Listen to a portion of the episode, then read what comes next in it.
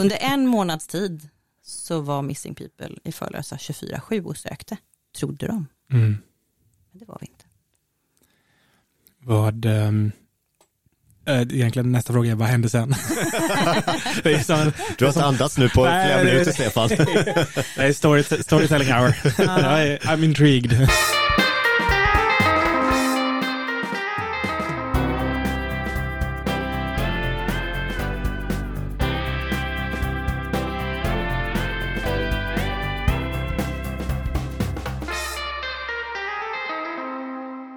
Hej och välkommen till Hemvändarpodden. Ett nytt avsnitt med nya möjligheter och nya spännande intervjuer.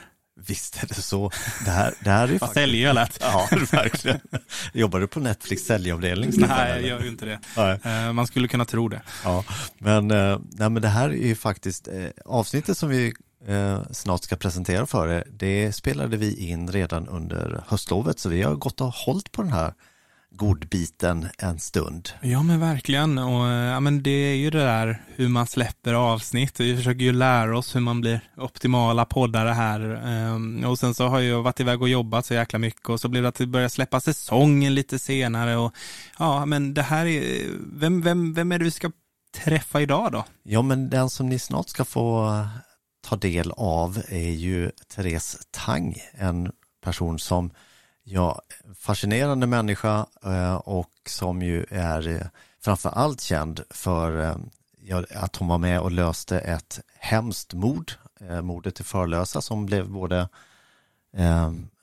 tv-serie och, och bok.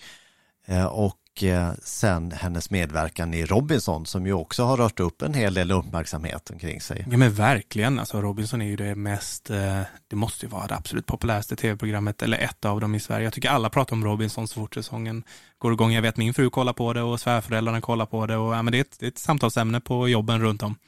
Ja, nej men så jag, jag, ni, ni har ett väldigt spännande och kul samtal framför er och höra Therese och hennes eh, berättelse om ja, hela hennes spännande liv och ja, framförallt det här mordet eh, där ni kommer få höra Stefan hålla andan eh, flera, flera minuter för det var så spännande. Ja men verkligen. Men, men innan vi egentligen kör igång presentationen så ja, hur var, hur var din nyårsafton eller hur har helgerna varit? Ja men helgerna har varit eh, bra sådär som jag tycker de ska vara. Lagom, mm. ja, man har gjort en del saker men också hunnit ta det lite lugnt och umgås med familjen och ha det, ha det gott. Och du har ju varit hemma, eller hur? Ja, men verkligen. Vi är ju inne på andra veckan nu. Liksom. Det har varit lugn och ro och det har varit härligt. Jag har knappt jobbat. Det har varit mycket med filmen såklart och sådär, men det har varit väldigt, eh, eh, väldigt lugnt. Ja, och det har ju varit succé för filmen. Ja, men det har gått bra. Sen så skulle man säga biogåendet i Sverige rent generellt är ju ner lite, men vi ligger ju eh, ja, stadig etta liksom. Så det ska man ju vara glad Ja, jag är så glad för er skull. Jätteroligt. Eh, och om vi fortsätter prata lite kort om, om Hemvändarpodden bara så det är många av våra förra, förra gäster från förra säsongen som ja men vi kunde tidigare läsa om Olle Lycksell som eh, går ganska bra för nu i Philadelphia. Vi har, ja.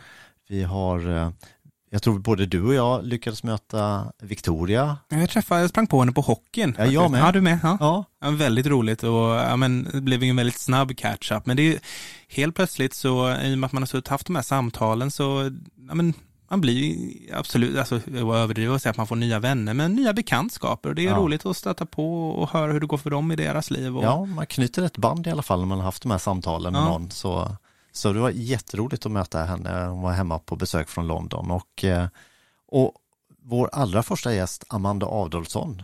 Mm. Min gamla kollega också. Och din gamla kollega. Hon har ju vunnit pris också. Ja, hon, blev ju, hon fick ju en utmärkelse, den Gyllene Fjärden, eh, som är kultur, Barometerns kulturpris. Eh, otroligt kul och så välförtjänt. Alltså, det är ju, jag skickade ett litet eh, grattis-sms till henne, men det tycker jag, hon, hon är ju, ja men hon har gjort ganska mycket, hon har jobbat otroligt länge och det tycker jag man får, får höra i avsnittet, men hon har ju verkligen, hennes karriär har ju exploderat nu. Hennes serie Barracuda Queens gick ju hur bra som helst och hon har, ja, jag vet ju några spännande saker i framtiden och det kommer komma mer av, vi kommer få se mer av Amanda. Ja, Ja men ni hör, eh, så har ni inte eh, ni lyssnat på våra tidigare avsnitt så, så eh, först lyssnar ni på Therese här nu och sen så går ni tillbaka och lyssnar ni på något av de andra godbitarna om ni har Ja. missat något. Ja men precis och det finns ju fler än bara Amanda, Olle och, och eh, Victoria här. Så ja men eh, passa på att lyssna in på något spännande avsnitt. Men Magnus, jag tänker att eh, vi kör väl igång en presentation. Nu är det dags för äntligen att presentera Therese Tang.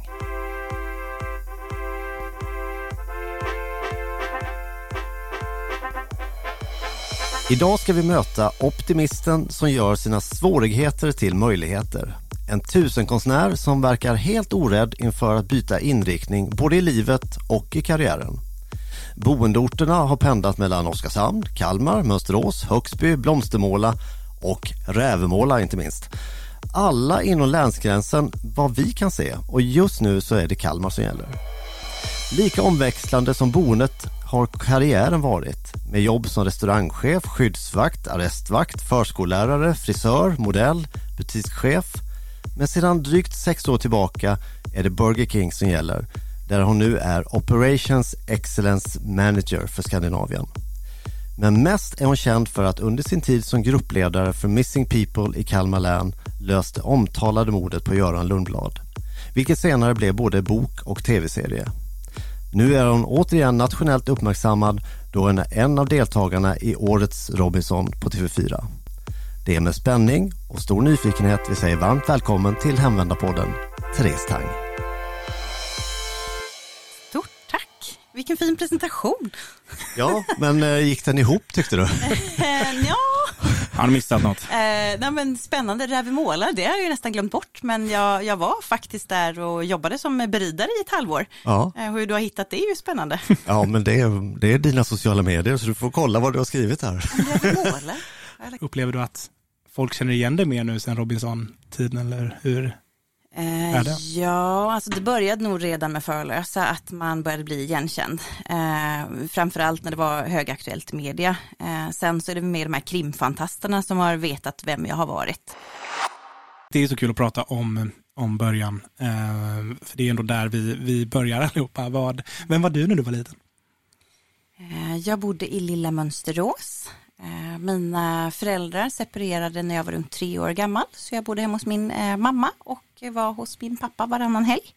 Ehm, där gick jag i en skola som heter Mölstaskolan. Ehm, som var, ja, alltså när klockan ringde så gick jag till skolan Det var så, på morgonen. Det var alltså, det var, alltså, jag vaknade tio minuter innan skolan började, drog på mig ett par byxor, klockan ringde, jag gick dit. Skönt. Väldigt skönt. Eh, Så de som åkte skolbuss eh, som satt och gnällde att de hade åkt i 40-50 minuter för att ta sig till skolan, de förstod jag mig aldrig på. Det var eh, ibland när de glömt borsta håret så det stod så här som barn för det var så nära.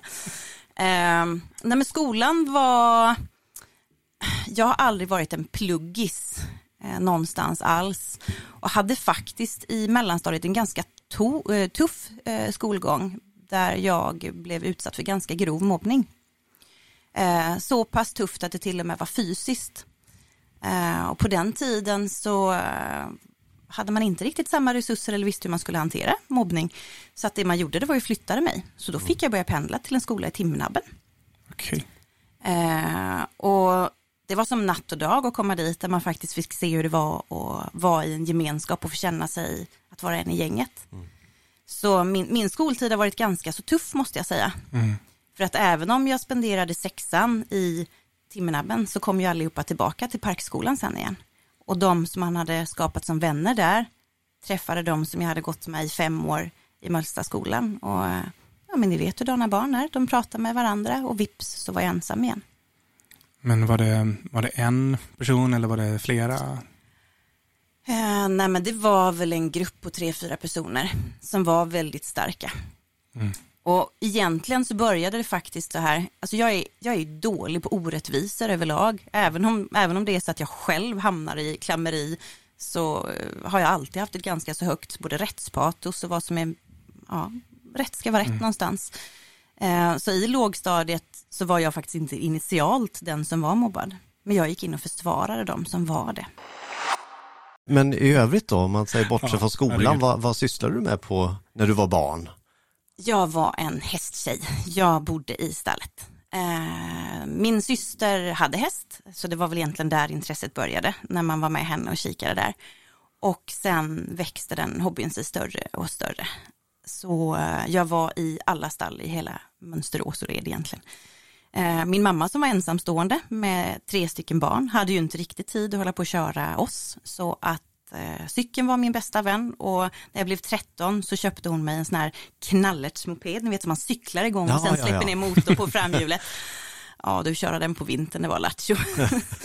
eh, men eh, ja, det var Du- enda sättet för att ta sig fram och tillbaka till stallet. Vad var det för häst? Alltså var det hoppa eller Ja, jag har varit en mer dressyrtjej. dressyr? Ja, har jag varit. Ehm, och sen när jag var 15 så fick jag min egna första häst då.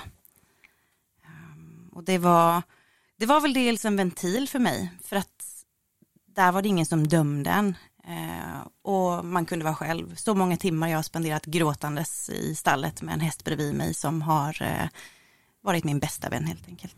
Åh, så, så. Också lite så här hjärtskärande såklart att höra. Det är ju inte, låter inte, låter som att det var lite tufft ibland. Det var det. Men om man säger om man, om man kastar sig vidare mot gymnasietiden, blev det bättre där? Ja, alltså jag sökte ju in till eh, en nystartad linje i Högsby som hette hotell och turism och tänkte att det här blir väl roligt. Eh, det var första året och de hade fått för sig att de mer eller mindre skulle köra av nästan alla basämnen hela första terminen för att sen kunna foka mer på turismen och resa lite och sånt där. Halva klassen hoppade av. Alltså, Jag var ingen pluggig så jag pallade inte det tempot. nej. Och då funderade jag på, ja, men vad vill jag göra då? Hästar ligger mig varmt om hjärtat. Så då sökte jag in till Ingestorp. Vad hade du för, om man säger, man, man pratar ju ofta så att gymnasietiden är liksom, men tiden i våra liv då vi formas och går från att vara unga till att bli unga vuxna på något sätt. Vad var dina drömmar? Vad ville du bli, tror du? Ja, men alltså i grund och botten sen ung så ville jag alltid bli polis. Mm. Eh, men eh, jag vet inte varför jag inte tog tag i att söka det som, som ung, om jag ska vara ärlig. Utan jag ville först se världen och resa och då tänkte jag så här, det blir skitbra, jag kör några år som flygvärdinna och får eh, se världen och, och landa i det. Men sen när jag inte hängde med i det där tempot så då kraschade lite det och då blir man ju lite, li, lite liten och lite ledsen och eh, kände så här, ja, men då behöver jag göra någonting som jag tycker om till att börja med. Då går vi tillbaka till hästarna igen, för det är jag trygg och det kan jag. Eh, så det blev en ganska stor besvikelse sen då när jag kände att skolan inte levde upp till det jag trodde att det skulle vara. Vad tog du vägen från det då? Då hamnade jag i Rävemåla faktiskt. Då var det Rävemåla? Ja, men yes, jag fick rätt. Alla vägar leder till Övermåla. Ja, Nej, men då, då eh, fick jag faktiskt jobb som eh, beridare på ett stuteri. Eh, där man hade lite, eh, lite, eller två killar som jobbade i landslaget och tävlade där i hoppning bland annat. Eh, så jag bodde med en, med en annan tjejkompis från Mönsterås där som heter Mia som nu mera bor uppe i Stockholm. Eh, där vi, ja väldigt unga, eh, alltså, och skötte ett helt stall med så många hästar själva. Det är helt galet när man tänker efter egentligen. I dagsläget skulle ingen sätta två eh, unga tjejer med ett sånt stort ansvar som vi hade. Alltså vi, vi hade ju till en hel stuteriverksamhet som två 16-åringar roddade liksom. Ja, helt eh, galet. Men ni lärde er en del. Det gjorde man. Alltså jobba har jag gjort hela mitt liv och förstått att det är hårt arbete som för en framåt. Ehm, där var man uppe vid fem på morgonen och man var inte hemma förrän så sju, åtta på kvällarna och eh, det var ett tufft arbete. Mm. Eh, det får man ändå säga. hur länge höll du på med det då? Ja, men jag var där i fem, sex månader tror jag. Mm. Det var ju så här att jag började få jätteont i magen och mådde inte alls bra och uppsöker läkare. Och de gör ett ultraljud på mig och drar för skynket och hör hur de pratar och jättemärkligt, jag förstår inte alls vad som händer. Till sist så öppnar de upp kameran och säger de, ja du ska bli mamma. Du är sjätte månaden gravid. Oj, 18 år gammal, bara va? Jag hade män som vanligt, jag Oj. hade samma kläder, kroppen funkade som det skulle, fanns ingenting än Inga tecken. På att jag skulle vara gravid. Det måste ha varit en chock. Ja, det var en chock. Och jag, jag tänkte bara så här, gud mamma kommer mig. Hur ska jag förklara det här? Det här blir inte bra. Ehm, så de skrev ut sådana här små gulliga ultraljudsbilder. Ehm, jag åker hem, eh, med, med min väninna som var med mig där. Eh, och bara, hej Magnus, du ska bli pappa. Han bara, vad är det ett skämt? Eller vecklar upp de här bilderna. Och han bara, men, men hur, gick, hur gick det här till? Va? va? Eh, ja, det var ju bara för oss att axla det här eh, blivande föräldraskapet som kommer om tre månader. Liksom. Mm. Oj, oj, oj. Ehm, och jag visste inte hur jag skulle berätta det här för mina föräldrar, så jag vet att jag, de här bilderna skannar jag in och skickar på post till mamma, till pappa, till syrran och till Magnus föräldrar. Sen låser jag in mig i huset. Ehm, och på den tiden vet, hade man ju sån här gammal hedlig telefonsvar att när någon ringer så hör man ju vad någon säger. Just det. Ja, posten kom vid klockan ett, 1.03. Mamma ringer. Therese, nu svarar du telefonen. Jag behöver prata med dig. Jag svarar inte. Linda ringer. Vad fan är det här, min syra? Kan du ringa mig? Jag behöver prata med dig. Eh, kvart över två.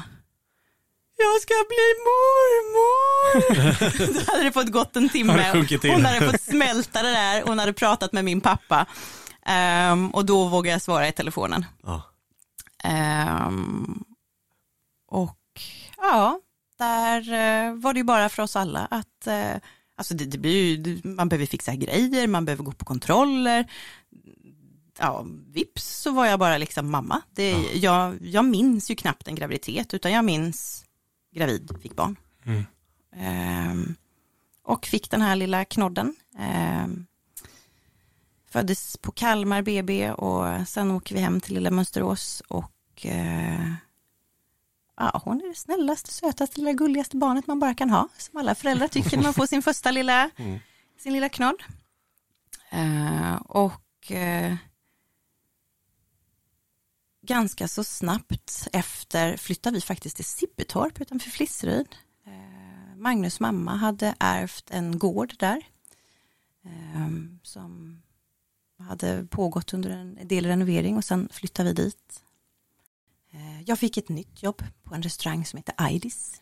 Just det, det är, det är faktiskt det, det är mitt första minne av dig Therese. Att, eh, för där var du ganska länge vill jag minnas. Jag jobbade där i 12 år. 12 år. Ehm, och jag minns anställningsintervjun som igår. Där sitter Rickard Tang eh, och eh, säger att ah, vi behöver in lite sommarpersonal. Eh, har du jobbat inom servering innan? Min mamma är gammal husmor och jag är mer eller mindre uppvuxen på restaurang i Mönsterås på Kronmunken. Jo, jag har inte jobbat så mycket inom restaurang men jag kan ju servera och jag har ju hjälpt till mycket eftersom jag är uppvuxen i den miljön ja, okej, säger han. Ja, ja, istället för att säga det ser ju bra ut och sen du ser ju bra ut. Och jag, jag skrattar lite och fnissar. Eh, så säger han, ja men jag hör av mig. Eh, och sen så går det två timmar så ringer han och säger, kan du börja om en timme? eh, och det var precis det jag gjorde. Jag klädde på mig förklädet, gick ner dit eh, och började som servitris. Och, ja, det är en fantastisk familj. Eh, och eh, man blev ganska snabbt en i gemenskapen där. Eh, och eh, det börjar spira kärlek mellan mig och Rickard. Ehm, vi hittar varandra och eh, har snart ett förhållande. Ehm. Hur var det då? Jobba tillsammans och, och ha ett förhållande? Och, ja. Ja men till en början så är det jättekul. Men Ja. när man har varit tillsammans ett tag, det är ju därför jag valde att byta inriktning sen. För då är det så här, ska man jobba ihop, leva ihop, ha barn ihop, då kanske man behöver den distansen. Men eh, till en början när man är nykära så är ju det fantastiskt att få vara tillsammans hela tiden. På det. Det, är, det är egentligen bara det man vill. Ehm, så att eh, vi hade roliga tider och eh, var ute mycket och dansade. Både han och jag tyckte det var kul att dansa. Så de veckorna Emilia var hos sin pappa så jobbade vi och sen var vi ute och dansade. Eh, De veckorna vi hade Emilia så jobbade vi och var föräldrar. Ja. Ehm, Och tiden gick och till sist så blir eh, jag gravid här också. Eh, Och vi får en gemensam liten dotter, Havanna. Och i samband med det så vet jag att han friar till mig där. Eh, men sen kom vi fram till att fasen, vi har ju inte riktigt pengar att gifta oss. Hur ska vi lösa det här? Det fixar vi ju inte. Eh, och en natt, eh, en natt ja, eller jag, jag har en dröm helt enkelt. Jag, det var på den här tiden då poddar började bli populärt. Så jag drömmer bara, fasen var, varför, varför kan man inte skaffa en blogg om, om prata bröllop och grejer och sånt där. Så folk hör av sig dit och så sponsrar de. Från den drömmen tills att podden i verklighet är 24 timmar. På 48 timmar så hade jag ringar, jag hade kläder. det, det, det, bara, jag vet inte riktigt vad som hände, men jag använde väl rätt hashtag, så det bara företag från hela Sverige hörde av sig och på fyra månader så var vi sponsrade med 250 000. Oj. Och, eh, ganska, ganska bra bröllopsbudget. Ja. Eller hur? Det var det. Från att gå från noll framför allt. Ja. Eh, så att eh, eh vi får även våran eh, son Dexter under den här planeringsperioden och sen gifter vi oss eh, 090909. Eh, I egentligen ett sponsrat mediebröllop som följs över hela Sverige. Eller till och med Europa. Det var alltså Europas största bröllopsblogg på den tiden. ja, det, jag delade ju bloggtoppar. Det var jag, Blondinbella och Kenza och en tjej som heter Fouki. Vi var ju de som låg etta på listorna hela tiden där. Det här glömde du i presentationen Magnus. Ja, det här, jag ber om ursäkt Therese. Det här, jag var helt förblindad av rävmåla. Liksom. Det, det, det, är den enda förklaringen. Det var där. Det var där. Ja. du missade. Kan det vara så att det här också var första, första tiden när du verkligen kom in liksom i tv-mediet också? Var du med när det var, hette det Elaka kocken? Kniven mot strupen. Kniven mot strupen, just det ja. Det var, jag som, det var jag som gjorde ansökan dit. Du gjorde ansökan? Ja, men berätta, jag kommer ihåg det här avsnittet. De var i Aidi, på Aidi. Ja, just det. Ja. Ja, men då var det så här att eh, det är samma sak här. Eh, behövde renovera eh, och, och, hela hennes historia är ju ganska fantastisk. Hur hon kom till Oskarshamn och eh, fick ett ganska tufft uppbrott med, med hennes man som lämnade henne eh, lite halvtaskigt och hon fick jobba och slita eh, för att driva restaurang runt.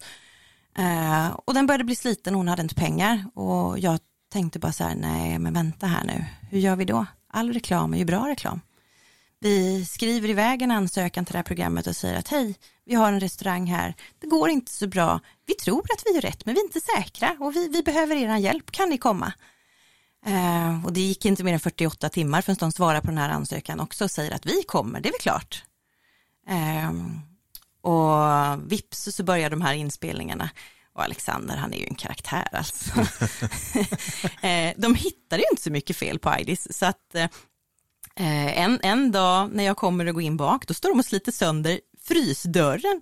Och jag bara, vad gör ni för någonting? De bara, den är ju trasig. Jag bara, men jag såg ju ni slet sönder den. Ni kan ju inte sitta och filma att, att vi har taskiga frysdörrar när ni försöker skapa tv på det här. Glöm det, sa jag.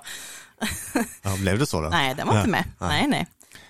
Men de förstärkte lite sen, för jag minns att programmet var, då var det ju lite, alltså hela dramaturgin av programmet är ju att de ska komma, vad håller ni på med här? Lite sådär. Maten luktar bensin ja. var det ju för att vi bokade den. Och sen var det ju att allt kom från burk, men var hittar du färska vattenkastanjer i Sverige? så, it's an Asian restaurant, hallå? Ja. Så att nej, men det var, det var väl en rolig grej och de piffade upp restaurangen och de gav oss lite nya verktyg och man fick lite marknadsföring och vips så gick det bättre för restaurangen igen. Ja. Mm. Och den blev renoverad på köpet? Precis. Ja. Snyggt. Ja. ja, du vet hur du ska ta dig fram. Vi kanske ska ge Therese uppdraget här nu och, och få fart på våran podd ännu mer. Ja, verk, verkligen, jag tänker, ja, ja alltså, det, finns det något Fixa, fixa poddarna. ja, precis. det blir en total makeover av både dig och mig tror jag, Stefan. Ja, precis raka oss och klippa oss. det, det, är lite kört för min del. Jag tror inte de kommer längre ner.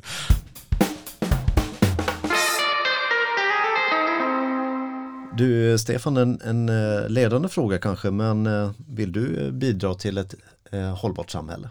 Ja, men själv, självklart vill jag det. Men du, då, då, skulle jag faktiskt gärna rekommendera att du väljer Handelsbanken när du ska välja bank.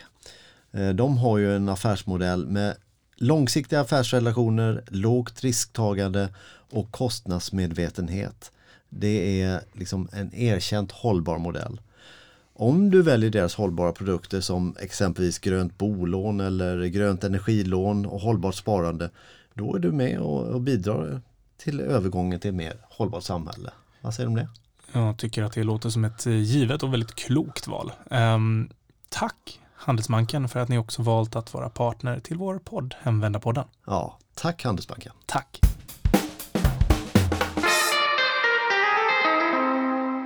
Jaha, men eh, vad var vi höll jag på att säga, men vad hände efter Aidis då?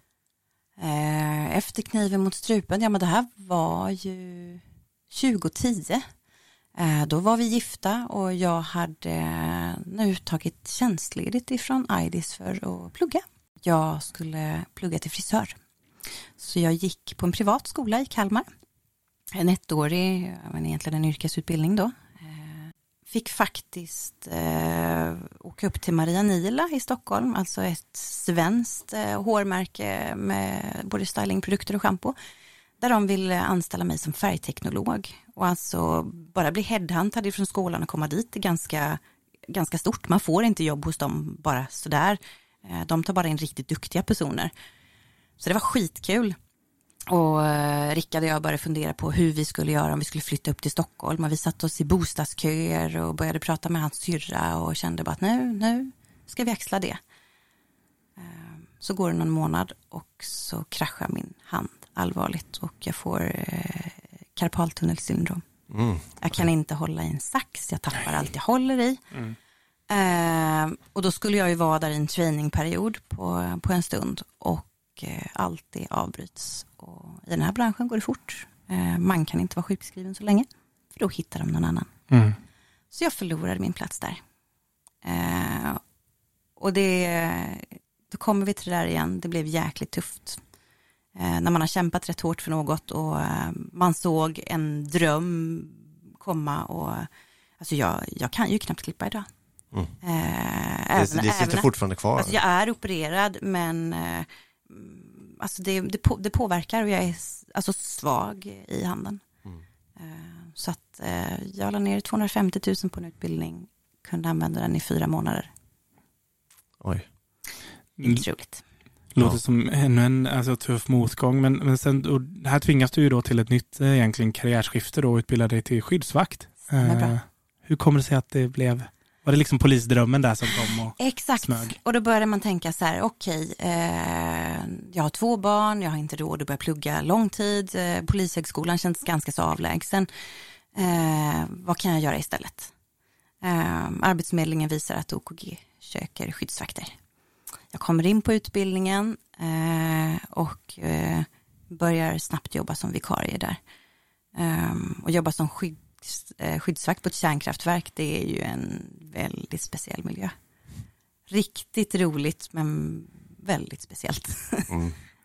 Det som är häftigt där, det är ju mest kollegorna. Arbetet i sig, det kan vara att du ska sitta och stirra på en dörr i fyra timmar för att ja. larmet har gått. Så det, det, är inte, det är inte skitroligt. Eller det så... känns inte som det riktigt matchar din personlighet till det, som jag får säga så. Nej, inte där. Men sen hade man ju även lite väktarbitar då när man körde ja. ronder utanför, man fick vara lite mer aktiv och röra på sig. Eh, det tyckte jag var roligare. Mm. I samma veva så fick jag ju även jobb på polisen, eh, på arresten då, som arrestvakt. Och så började jag ju även ta upp komvux och plugga igen alla de gymnasiebitarna som jag inte hade hunnit med. Så att jag pluggade heltid, jag jobbade mer än heltid och jag var mamma heltid eh, under ett par år där. Eh, för att eh, försöka komma ikapp det jag hade missat som ung. Mm. Stämmer det att du var utomlands också och jobbade någonting? Ja, eh, det var faktiskt under, under 2010. Eh, som ung så jobbade jag lite som modell. Mm. och 2010 när jag kom in i hår och makeup-branschen igen så började jag ta upp det lite igen. Så då var jag faktiskt ganska mycket i Milano och jobbade. Coolt. Eh, var jag. Hur var det? Ja, men jag har fantastiska vänner därifrån. Mm. Eh, jättekola designers och alltså jag har suttit på, på middagar och ätit med George Clooney som eh, bredvid mig och varit på coola fester med Will I Am och alltså jag har träffat jättemycket häftiga människor. Eh, ja, det är coolt att ha varit i den branschen och sett det. Men eh, på samma sätt som det är en erfarenhet så finns det en hel del baksidor där med tjejer som inte mår jättebra och har anorexia och mycket droger och alla som känner mig vet att jag är så anti det här eh, och det blir väldigt svårt att, att förhålla sig i en sån krets när man tar sådana starka avstånd för det. Mm.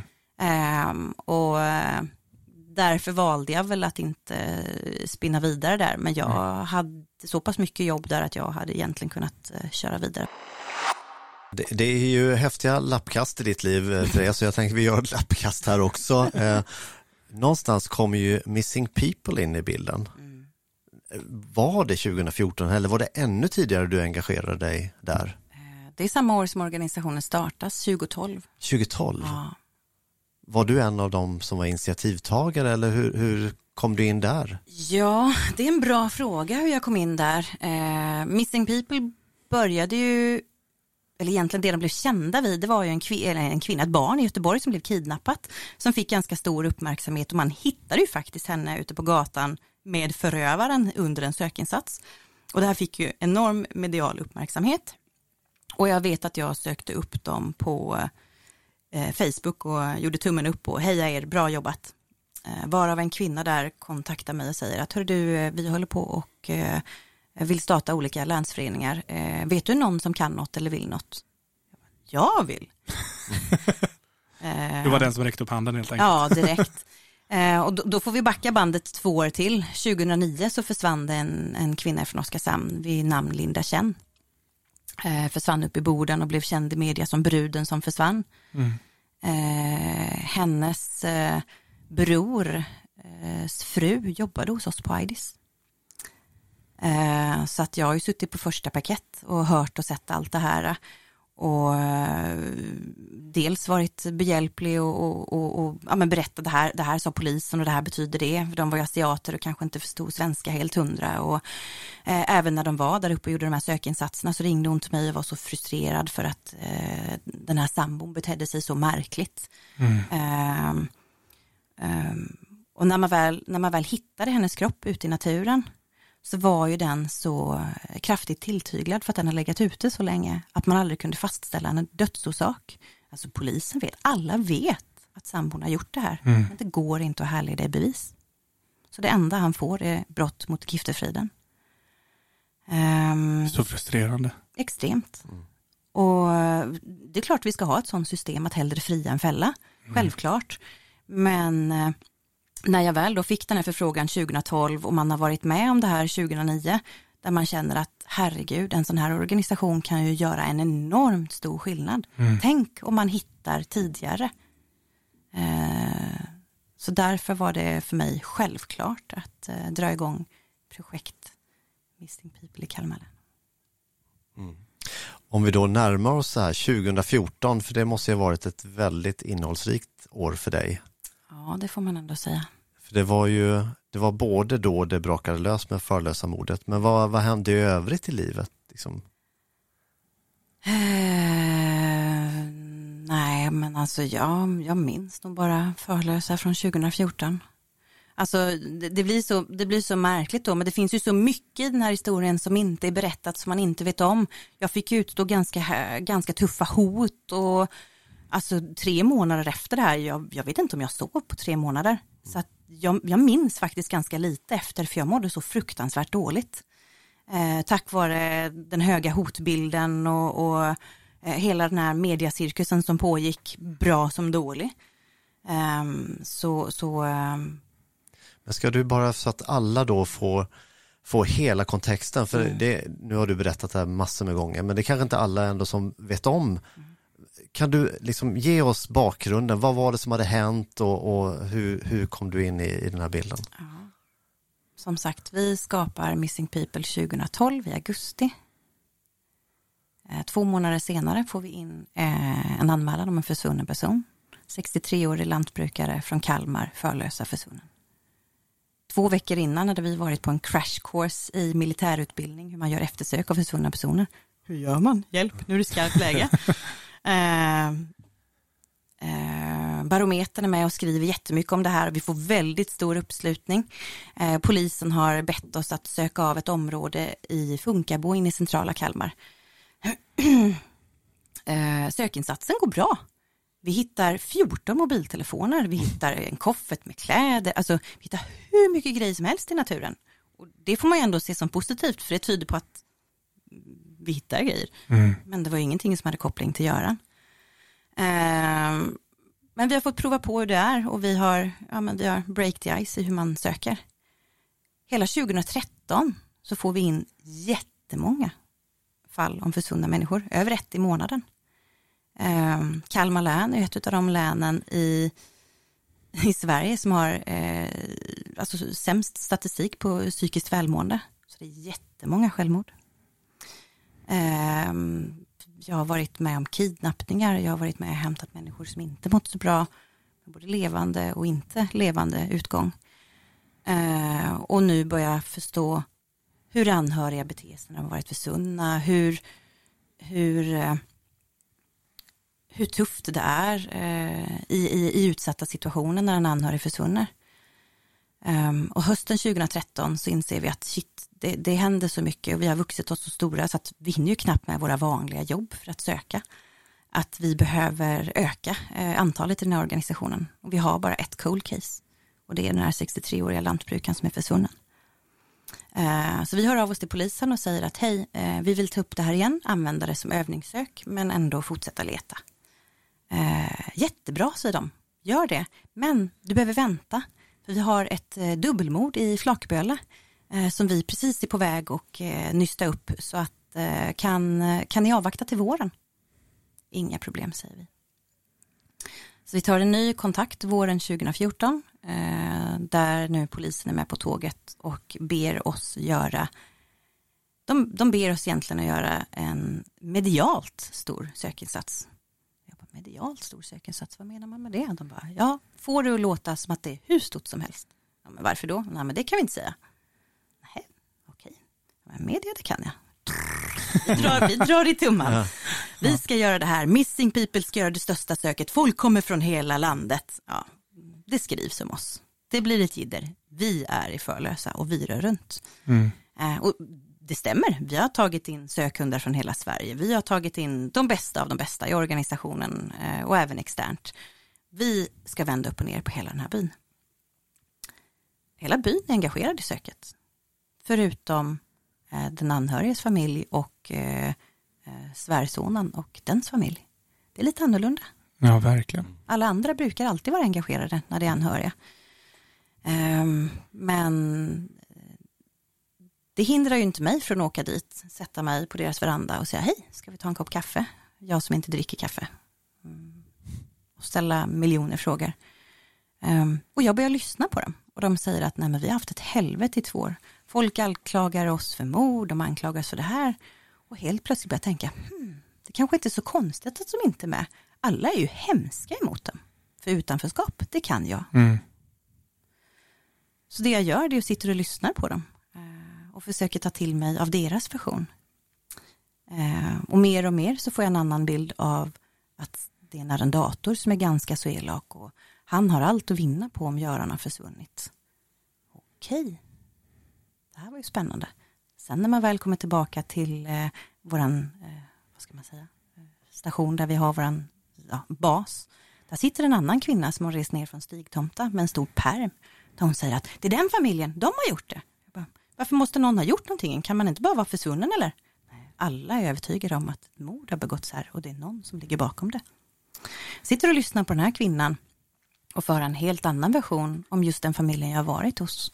Där hon beskriver dem som grandiosa, de är farliga, de eh, eh kör med härskartekniker och försöker köra över folk och hota folk. Och ganska direkt får jag en annan bild av dem som precis har målat upp ett utanförskap. Ehm, samtidigt som att eh, det larmar. De säger, en hund har markerat i en göl. Jag sätter ilfat emot den här gölen och den här voven som har markerat, det är inte vilken hund som helst. Den här hunden är utbildad eh, via eh, kustvapnet bland annat eh, på att hitta liknande utbildning som hundarna använder vid Kimvall för att hitta folk i vatten. Senast den har hittat en dykare på 18 meter. Wow. Den här voven kan lukta sig till Ja, bra luktsinne. Ja. Exakt. kan man säga. Herregud. Och vi går dit till den här gölen och jag ber voven göra det här. Och jag ser voven markera. Och jag kliar med huvudet och tänker bara, "Nej, det här kan inte stämma. Vi hämtar nästa vovve. Voven markerar. Hämta tredje voven. Den markerar också. Mm. Nu börjar det nog bli dags att ringa polisen. Eh, då ringer jag eh, aktuell utredare för fallet, Ulf Martinsson, och säger att hur du, eh, vi, vi har jättestarka markeringar på, på en göl här i Förlösa och jag får inte ihop det. Okej, spärra av den, se till att ingen får gå nära den, sitta och vänta på att vi kommer med tekniker. Mm, spärra av den kan jag göra, men nyfiken som jag är så vet jag inte om jag bara kan låta den vara. Jag skickar ner två personer med vadarbyxor för att gå därigenom för att se, stövlar vi in i någonting? Eller, alltså, ligger det något fysiskt i den här? Hur djup är den?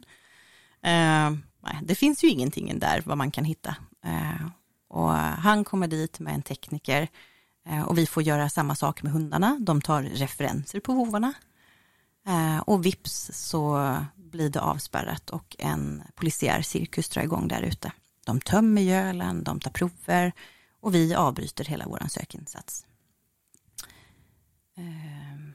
24 timmar senare häver man avspärrningarna och vi får veta att det fanns ingenting i det hela.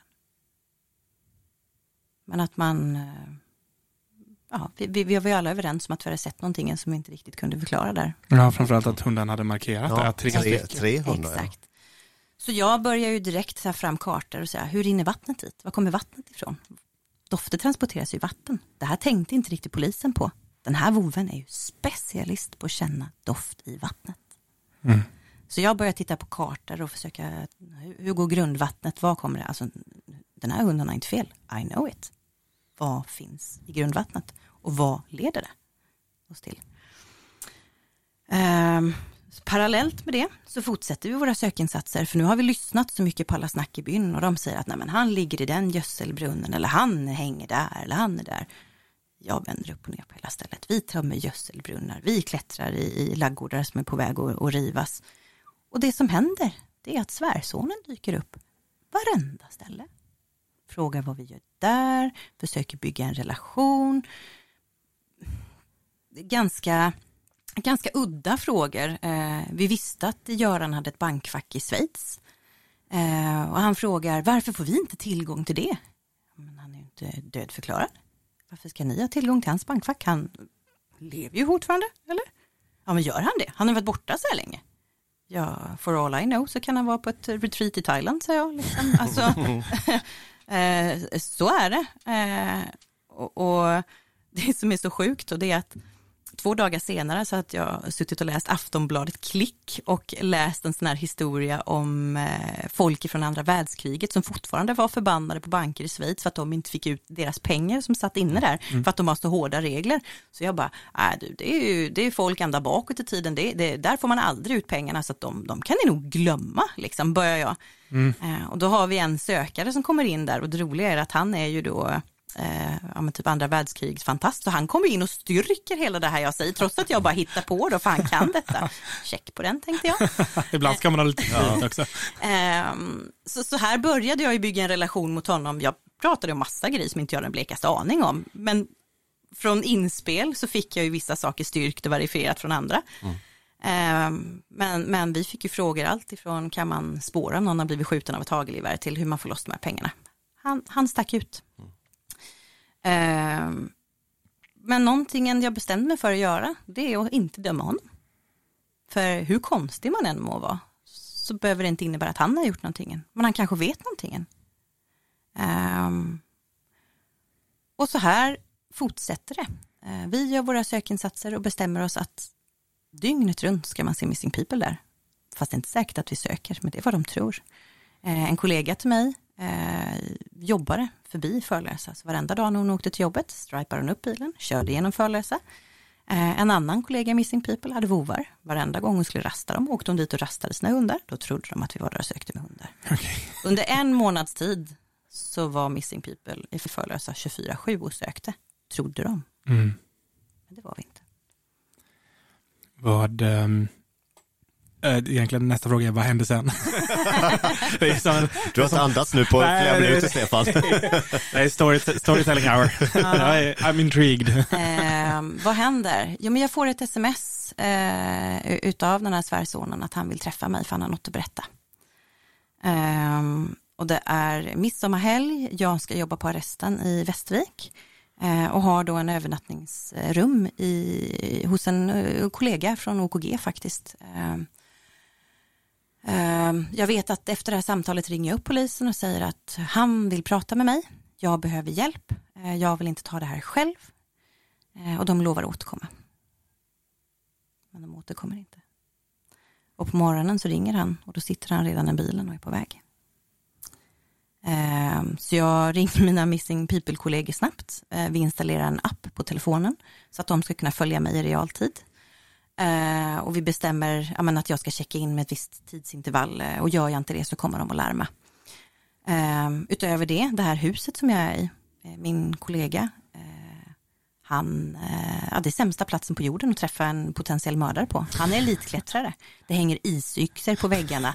Det är alltså hela källan är full med vapen och ammunition, för han gör det i egen ammunition. Såklart är vapnen inlåsta, men alltså det är en godisaffär för mm. att hamna i bråk med fel person.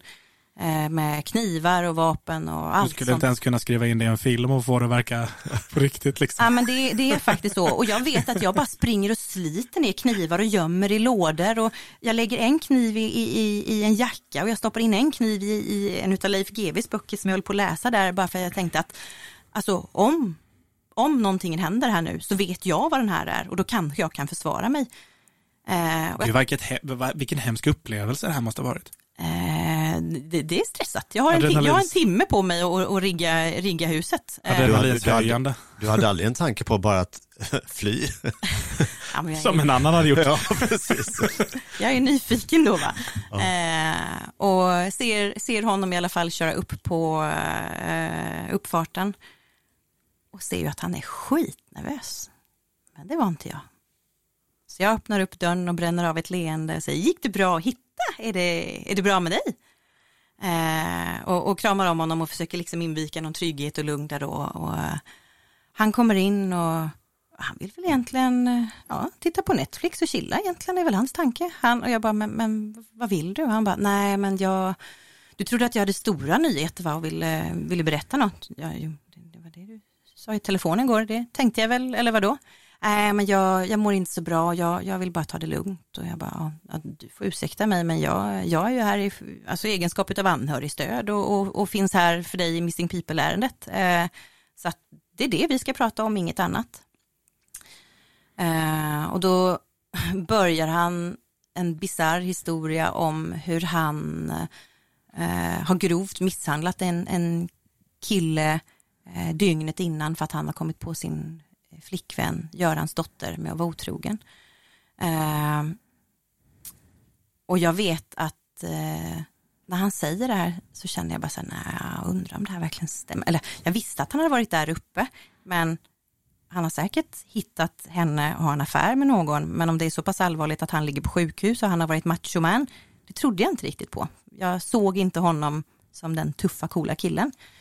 Eh, så jag bara, ja det var spännande för när jag jobbade på arresten igår så, eh, alltså jag hörde ingen, vi får ju höra från hela Sverige sa jag då, jag hörde ingen överlämning att det hade varit något allvarligt där uppe och kan inte du sätta upp dina händer bredvid mig? Så gjorde jag så här och knöt dem. Så gjorde han likadant. Så sa, Vad är det för skillnad på dina händer och mina händer? Ja, nej men du har smala, smärta kvinnohänder och jag har grova manshänder. Jag bara, ja, något annat? Nej, nej, jag, det är det som är problemet. Vad, vad menar du nu?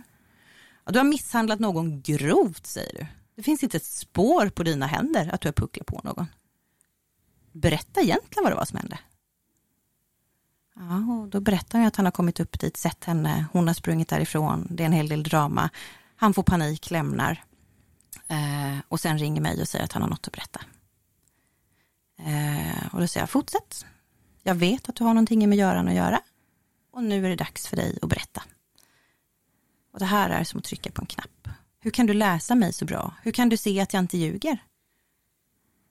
Ja, jag bara kan det, säger jag. Och, eh, ska vi sitta här och prata så får du fortsätta. Och här kommer nu tre, fyra timmars session där jag steg för steg får höra hur de först försökte med en skotermaskin i skogen. Men Sara klarade inte av att göra det och de misslyckades. Så plan B blir att skjuta honom Men det vägrar hon att göra, utan det måste Martin göra. Eh, jag får veta hela planeringsfasen, vad de har, hur de har grävt graven innan. Eh, och få vara med i en ja, både känslomässig och fysisk planering och resa ända fram till skottögonblicket och även hela efterspelet. Han berättar att dagen det här sker är Sara hemma hos sin pappa. Hon släpper in honom tidigt på morgonen. Men precis innan de kommer in så börjar de bråka om vapnet. Han har ingen jaktlicens och de vet inte om en 9 kaliber eller 6 kaliber är den som gör jobbet och vilken låter mest eller minst. Så de kör lite limbo och, eh, väljer den ena.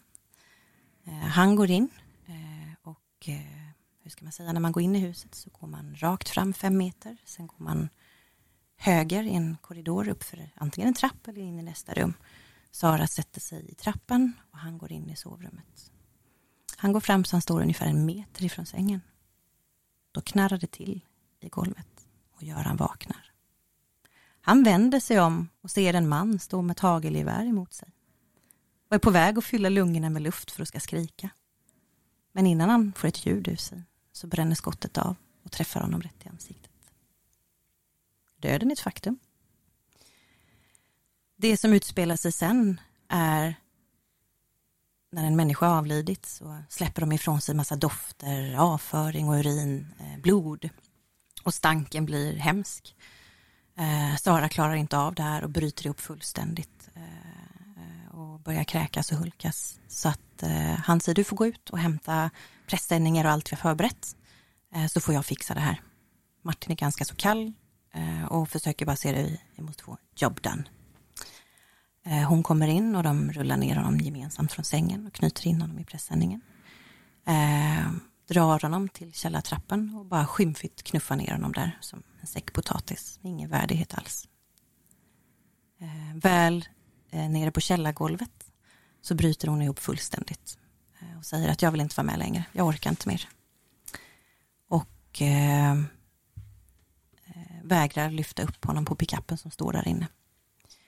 Eh, Martin blir vansinnig och hotar med att ta livet av dem bägge två eller ringa polisen. För nu har han minsann hjälpt henne för det var det här hon ville. Han har gjort det hon ville och nu får hon rida ut den här stormen. Sagt och gjort. Eh, de lyfter upp kroppen. Eh, och den körs iväg och sen grävs ner på en föregrävd grav på deras mark en bit ifrån deras gård. Sen börjar ett omfattande städarbete eh, innan man kan anmäla den här mannen försvunnen till polisen. De anmäler honom försvunnen och polisen där får också en konstig känsla till någonting som inte stämmer. De är inte som de brukar. Men han kan inte riktigt sätta finger på vad det är. Ehm, söker tyvärr inte genom huset där och då med hund, utan det går några veckor. Men då är rummet redan städat och hunden markerar inte längre. Sen trodde de nog att hon skulle få sköta marken när han var försvunnen. De förstod inte att det skulle kopplas in en god man som skulle ta ansvar för Görans eh, tillhörigheter. Och där hamnar de i trångmål, för de stryper egentligen alla Saras tillgångar, för hon levde ju på hennes pappa. Eh, Eh, så det uppstår enorma bråk med gode männen. Och det finns till och med en planering på att eventuellt göra sig av med en av gode männen. Herregud, vilken, vilken, ja, vilken, ehm, du hamnar ju verkligen i en um, konflikt här. Hur, alltså, Tänkte du någonsin på så här konsekvenserna? Så var du någonsin rädd? Under det här samtalet måste du ha Ja, alltså jag, jag, jag får ju så detaljerat, alltså, jag, jag, alltså jag, jag får ju så detaljerat så jag inser ju att alltså jag måste ju spela in det. Jag, jag kommer ju bli misstänkt för mord. Alltså jag vet allt. Jag vet allt. Um, uh, under tiden, eh, alltså Martin mår ganska dåligt under det här, jag känner att han springer in och ut från toaletten och det är, det är en ganska tunn pappvägg så jag hör hur han, hur han kräks och hur han, alltså han mår inte bra. Men under hela det här erkännandet så är han väldigt skör. Och någonstans får ni tänka er, han är en människa också. Och, och, hur jävla jobbigt, eller hemskt det än är han har gjort, så är det ändå en jobbigt Och det här bär han på sig. Så att få öppna den här ventilen och ha någon som inte dömer honom där och då. Jag sitter bara och lyssnar och tar in och, och försöker hantera alla känslorna med honom och, och liksom säga att hur fan orkar du, hur klarar du av det här, hur mår du? Eh, bara verifierade honom i att det faktiskt, för det förstår vi någonstans, det måste varit skitjobbigt. Mm. Eh, så han, han, han är aldrig farlig eller ett hot där. Eh, men jag inser ju sen till sist att jag måste få fram de här kartorna och få inspelat vad, vad kroppen faktiskt är. Um, och får ju det då på ljud när han beskriver precis var han ligger nedgrävd. Um, och efter det så säger jag att nu, nu, eh, nu får vi lämna här och åka och äta frukost någonstans och liksom släpp, skaka av oss det vi har lyssnat på eller vad man ska mm. säga. Så vi åker till ett café inne i centrala Gamleby Väl där eh, går jag direkt in på toaletten och ringer en Missing People-kollega och säger jag vet allt. Eh, du behöver ringa Anders som bor i det här huset. Se till att han slutar jobba, sätter sig i bilen och åker hem. Du får inte ringa polisen än, för det kan uppstå ett gisslandrama om han kommer på vad som har hänt. Eh, när han lämnar får vi larma, men ni måste se till att någon är på väg hem så att, oh. så att jag kommer i säkerhet ifall det händer någonting. Eh, Eh, och eh, nu, nu behöver jag checka in varje kvart. Gör jag inte det så dras fullt, fullt trumma igång. Väl på kaféet så ändras hans humör. Han blir tre meter stor och skrävlar och sitter och skrattar och hånar polisen om hur blåsta de är och hur de har lyckats lura dem genom att prata i kodord i telefoner och eh, den här lilla pojken som jag har sett under flera timmar är totalt bortblåst och nu sitter det istället en människa med helt svart blick. Och jag känner bara, fan han måste åka med hem först, för där står bilen. Jag vill inte ha med honom hem igen. Nej. Men så blir det ju. Vi får ju köra hem. Eh, och jag tänker, jag ska inte vända honom ryggen och jag ska inte gå in. Så jag ställer mig under garagetaket och det sticker ut på en sån här liten bit. Och det börjar duggregna så jag står och pressar mig emot den och säger att ja, nu får du åka hem. Det du måste göra eh, det att det jag hade byggt upp, det var en historia att vi är ju på väg dit och redan nu är på väg att hitta honom. Om ni kommer ihåg vad jag berättade med hunden och vattnet, mm. så har hela grundvattnet runnit ifrån där han var. Så voven har ju faktiskt markerat på Göran. Mm. Så det var ju världens bästa ledtråd. Eh, men jag säger att de är ju på väg att hitta honom. Jag har ju byggt upp ett scenario om att vi är där och letar hela tiden och det var ju tur att du erkände för mig för att eh, vilken sekund som helst hade vi hittat honom, men nu, nu kan vi ju safea upp så att du inte åker dit på det här. Han tror ju nu att jag ska hjälpa honom och skydda honom. Eh, så jag ger honom uppmaningen att åka hem och radera eh, x antal bevis som var kvar. Och ja, jag ger honom en manual, gör det här när du kommer hem. Inom tre dagar så kommer jag hitta honom. Är han hittad innan tre dagar, då är det inte jag som angett dig, utan då är det vi som har hittat honom före, så du vet detta. Absolut, sen. Men så fort han har lämnat så ringer jag ju. Och då svarar eh, vakthavande befäl Eva Girhall. Eftersom jag jobbar på polisen så säger hon, ja ah, men Therese du ska inte sjukanmäla dig på midsommar, vi behöver dig i arresten, det här går inte. Nej, det är inte riktigt det. Uh, Ulf Martinsson på grova brott, har du han där? Nej, han har tagit midsommar, de, de jobbar inte på midsommar, så. Ja, han behöver nog ställa in midsommar nu tror jag. Eh, kan du be han ringa mig? Ja, men vad handlar det om Therese? Du ska väl inte prata med honom? Eh, jag summerar under några minuter och hon bara, han ringer dig. ja, det var skönt att han ringde upp. Ja det hade varit lite jobbigt annars. Han ringer efter midsommarhelgen. Det hade inte varit det bästa beslutet, eller bästa beskedet att få där. Ja, men det dröjer en kvart och sen ringer han. Eh, och jag håller telefonen på en armslång avstånd och jag hör hur han skriker i telefonen. Förstår du vad du har gjort? Han kan ju ta livet av sig själv. Tänk om han stannar i Oskarshamn och har ihjäl dina barn. Han kunde ha dödat dig. Fattar du inte vad du har gjort? Det här är ju helt galet. Jag bara, mm, det är ingen fara. Jag, jag kan prata med honom i telefon ända tills han kör upp på gårdsplanen om ni vill. Du ringer inte honom igen Therese. Eh, sen ringer det upp en annan polis, inte lika arg. och säger okej, okay, vad har vi att förhålla oss till? ja, han är på väg hem, ni behöver gripa honom när han kör upp på uppfarten, för annars kommer han försöka göra det här och det här och det här. Så blir det. Han grips på uppfarten. Och då har han i åtanke att, nej, Therese har tre dagar. De har redan hittat honom. Han tror inte att jag har angett honom. Han tror fortfarande på din, på din nödlösning där. Så är det. Ja. Så de första dagarna i finkan pratar han jättemycket och berättar saker och ger dem information. Tills de fjärde eller femte dagen säger att men fattar inte du att Therese har berättat allt? Vi vet precis allting, det är dags att börja snacka nu. Då förstår han att han är sviken utav mig eller förrådd eller vad man ska kalla det. Efter den dagen sa han inte ett ord. Hur... ehm, Ja, vad hände sen? Det är den, den klassiska frågan. Eh, Det är ju det är dramatiskt det här. Du ja, får chippa efter andan. det här, eh, det blir ju en galen cirkus som ni Mm. förstår. Såklart. Eller det minns man ju också. Medialt så var det, var det här ju väldigt stort. Jag tror det dröjer 24 timmar innan de griper dottern Sara. De var hemska. För jag visste att hon var där ute. Och jag tänkte bara, tänk om hon fattar att han har varit hos mig. Tänk om hon kommer att göra någonting med mig. Eh, så först när jag läste i tidningar att även hon var gripen så kände man liksom som axlarna sjönk ner lite. Eh, men det var ju polisförhör och eh, det blev ju så rörigt för att jag då som var anställd hos polisen, jag omfattar ju av polisens sekretess. Alltså det blev lite mäckigt här för jag satt helt plötsligt på två stolar och hur ska polisen förhålla sig till det då? Eh, och, och Missing People då som säger att "Ja, men du måste berätta för oss vad som har hänt. Men polisen hade ju lagt mig med munkavle. Eh, och det hade de aldrig kunnat göra om jag inte hade jobbat där. Men nu eftersom jag jobbade där så hade jag ju en hel munkavle och fick inte säga ett ord. Så, så de blev skitarga på mig för jag sa jag kan inte berätta något. Och de läser rubriker och, och, och fattar ingenting av vad som har hänt. Och, Eh, jag, jag, är, jag är jätterädd. Eh, skiträdd är jag. Eh, för jag tänker bara, tänk om man har sagt till sin familj att han är hos mig och han har blivit gripen och så kommer de efter mig. Eh, pff, jag vet inte, jag sov nog inte på några dygn där tror jag. Eh, stresspåslag och eh, riktigt tufft samtidigt som jag eh, med mina närmast Missing People-kollegor ja, men du vet, satt och berättade allt och skrev ner allt och försökte bara minnas så mycket som möjligt. Eh, och så går det en tid och så kommer ju rättegången.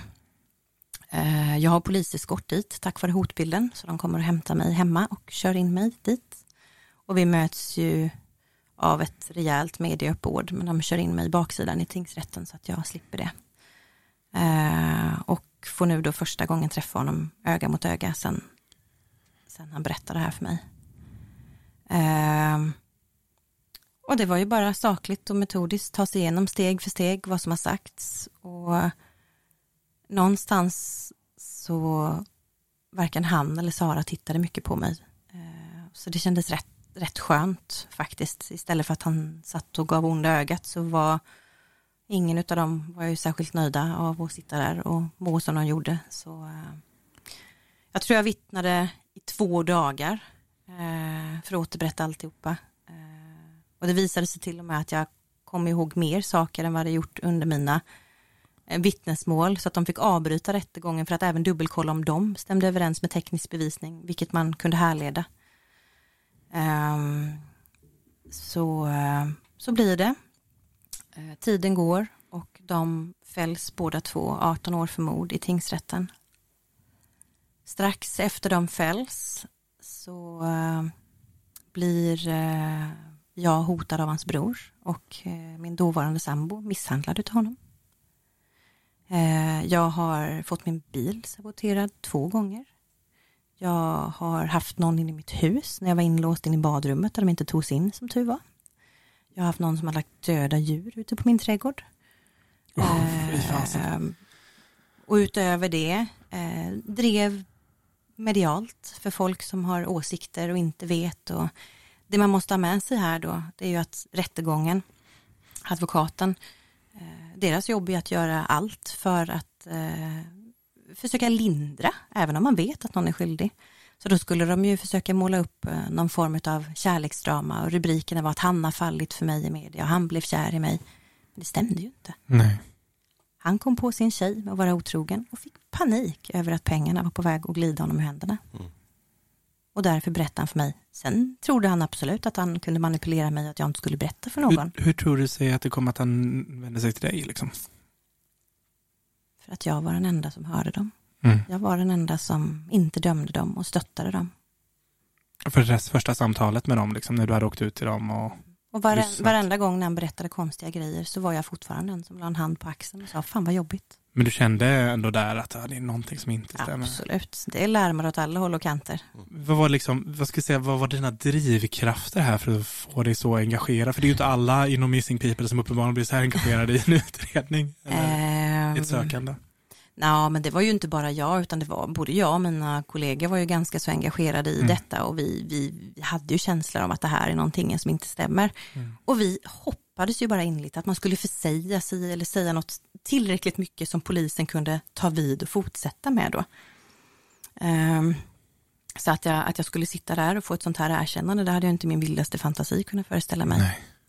Tror du att, var det fler som visste om den här historien? Alltså du pratar ju om hans anhöriga som, där som ja, Eh, på olika sätt terroriserat dig. Tror du att, ja, Ja, eh, då är det ju så här när vi börjar med, med, med boken, eh, jag och Joakim Palmqvist, så har ju Martin då gått ut i media och sagt att det finns en, en, en annan gärningsman eh, och att han absolut inte har sagt Sara till mig, utan han har bara sagt han och skytten, vil- vilket är en ren lögn för att han, han beskrev ju hela känsloförloppen mellan han och Sara, så det går liksom inte bara att byta ut henne mot, mot en man där, där det skulle bli helt andra känslor eller, Ja. eller saker som har hänt.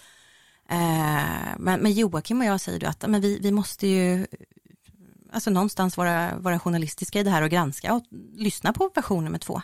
Så vi börjar skriva brev till honom i Kumla eh, och ber om att få träffa honom.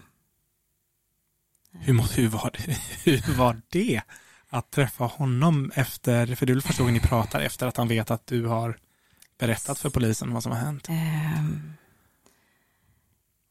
först och främst komma till Kumla. Om man inte har varit en kåkfarare innan så är bara det en ganska så spännande upplevelse när man kommer till de här stora gallrerna. Man slussas in i den här eh, tegelbyggnaden och eh, det, det ser ut som poliser fast det är väktare överallt och alltså det, säkerheten är ju enorm där. Det är ingen plats man åker på semester direkt. Så är det. Och alla undrar, vad fan vill du in här för? Du har ju satt dit honom. Och det visste folk såklart. Det blev extra stort pådrag tack vare att ja, pöbeln möter böden eller vad man Ja, nu ska säga. mm, såklart. Det har man ju aldrig varit med om innan heller. Här, sitter de, ska vi ens bevilja ett sånt här besök? Mm. Vad är syftet med detta? Det, vi fick ju ansöka om särskilda tillstånd och de ökade upp säkerheten och det var, det var ett ganska stort pådrag bara där. Eh, och när man ska gå in i Kumla så går man ju igenom precis som på en flygplats en sån här metallbåge. Eh, men här undrar man, varför ska hon in? Så det är inte bara att jag får gå igenom den, jag får klä mig helt naken. Eh, Där de ska titta i mina armhålor, de ska titta under brösten, de ska titta i fötterna. Man får böja sig framåt och separera skinkorna. Alltså, Man ska ta med något in liksom. Men ja. ja, och ba, bara, bara det känns ju så skört och förnedrande och konstigt och, och stå där liksom helt spritt språngande naken för två okända människor och, och de ska syna varenda millimeter på ens kropp. Sen får man klä på sig, gå i en korridor eh, in i fängelset och går in i ett rum. Där tänkte jag, snart kommer Joakim. Men dörren öppnas och in kommer Martin. ja, Joakim är inte med. Jag sitter ensam med Martin. Min puls är nu, ja den är inte 300, jag vet inte hur högt man kan ha en puls Nej. innan man dör, men jag är nog någonstans där kan jag tro. nära. Men det där är ju jättemärkligt med tanke på då, som du säger, säkerhetspådraget och den speciella situationen att du är där och att man sen då försätter dig i en situation där du är ensam visst är den. inte ens en väktare med in i rummet? De lämnar honom och jag vet bara, dörren är, det är som ett L, eh, eller rummet. Här är det en toalett då. Här är dörren där man går in och bredvid den dörren sitter det en larmknapp. Jag sitter i ett bord här, bakom kanten. Så jag ser inte riktigt dörren och jag vet att det är fyra fem meter till larmknappen. Och han sätter sig. Men om något händer där, står det någon utanför? Eller är det någon som hör vad som sägs i rummet? Ingenting. Oh, otrolig, jag är, jag, är. Jag är, jag är chockad. jag är också, lite, också lite chockad. Och jag bara, hur lång tid tar det innan Joakim kommer? Hur lång tid tar det innan Joakim kommer? Hur ska jag bete mig nu? Vad ska jag säga? Vad ska jag... Hej Martin, hur mår du? ja, ni fattar. Mm, ja, det, det är liksom, och nu är det inte den här lilla pojken som jag beskrivit som jag träffade i Gamleby. Nu har han tränat upp sig, han har rakat håret, sitter med en strikt i en svans och han ser arg ut och han ser farlig ut. Mm. Och jag är, två centimeter stor och tänker bara, mm, det här var en dum idé. Dörren öppnas och Joakim kommer in och ser mig sittandes likblek där och, och ska väl försöka vara någon icebreaker i detta och vi ska dra igång samtalet med Martin. Då börjar han ställa krav om att ni får inte spela in, ni ska inte göra så här. Och han har ju triumf, vi är ju där för att vilja träffa honom. Mm. Och eh, ja, vi får ju fogas i detta eh, och börja lyssna på hans historia. Och det han inte tänker på, det är att jag är den enda, den enda som har suttit och hört första versionen.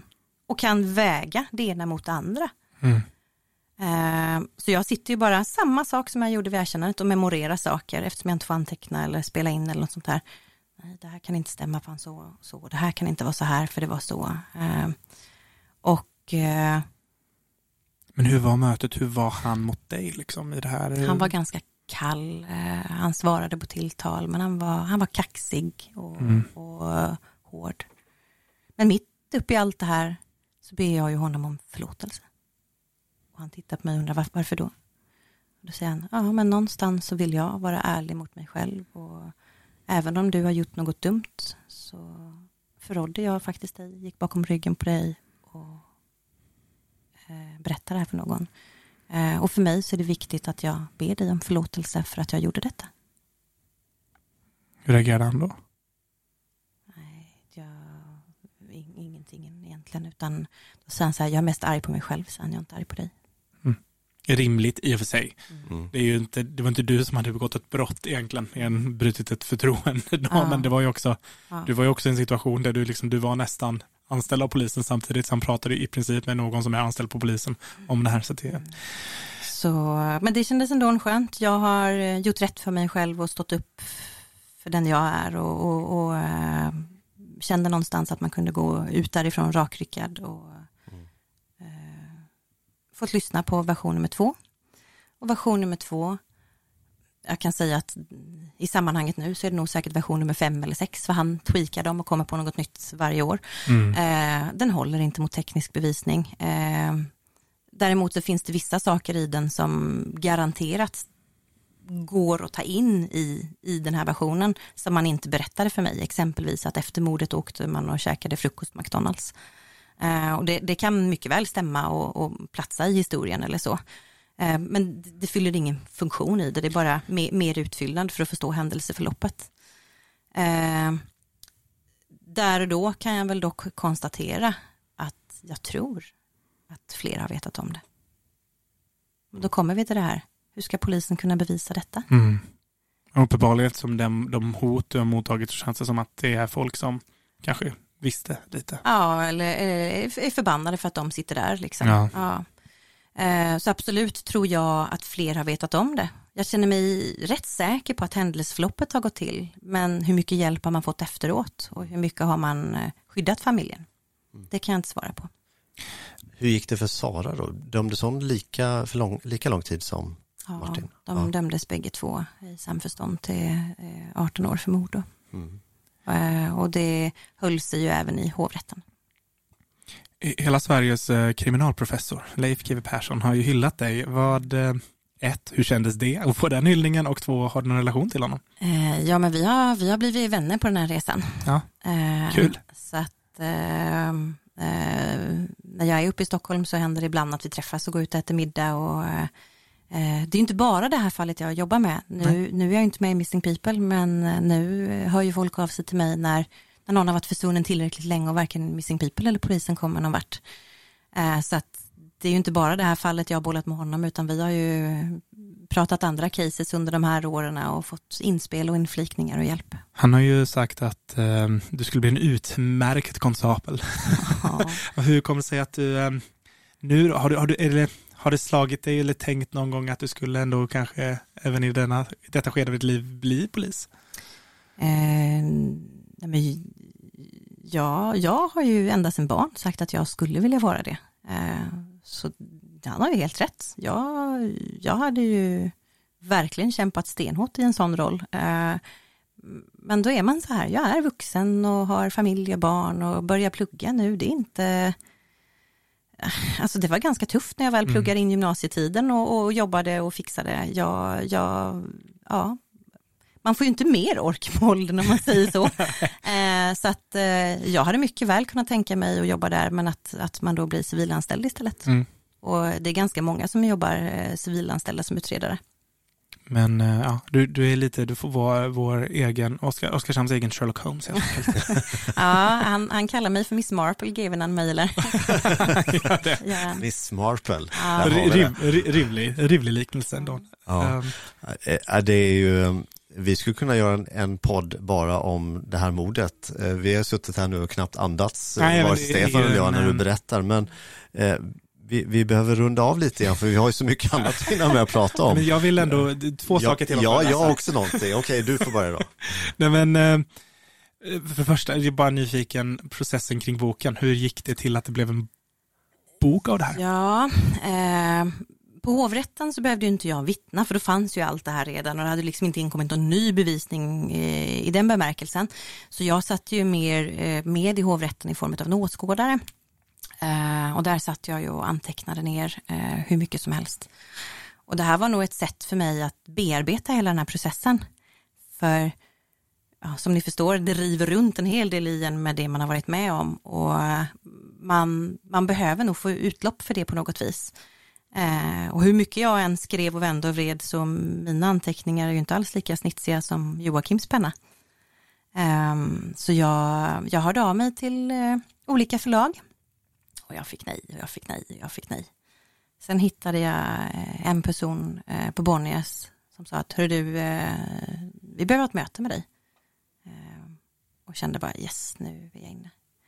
Ehm, och då, då fick jag faktiskt välja mellan två olika författare. Jag fick välja mellan Joakim och Karina Bergstedt. Fick jag. Hon hade ju precis kommit hem ifrån USA och gjort hennes bok om att vara i finkan där. Men to be honest så gillar inte jag hennes approach. När hon kommer in dit så är hon ganska så stark och fumlig och bedus och tar väldigt mycket plats i ett rum. Eh, och jag kände bara, ska jag göra en bok med henne så kommer det bli ett mord till.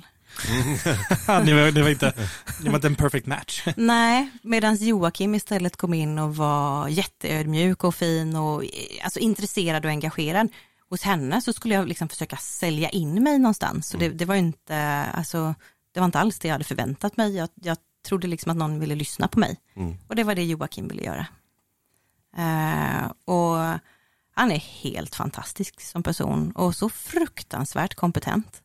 Uh, alltså, jag, jag, tror inte vi har en bättre krimjournalist i Sverige.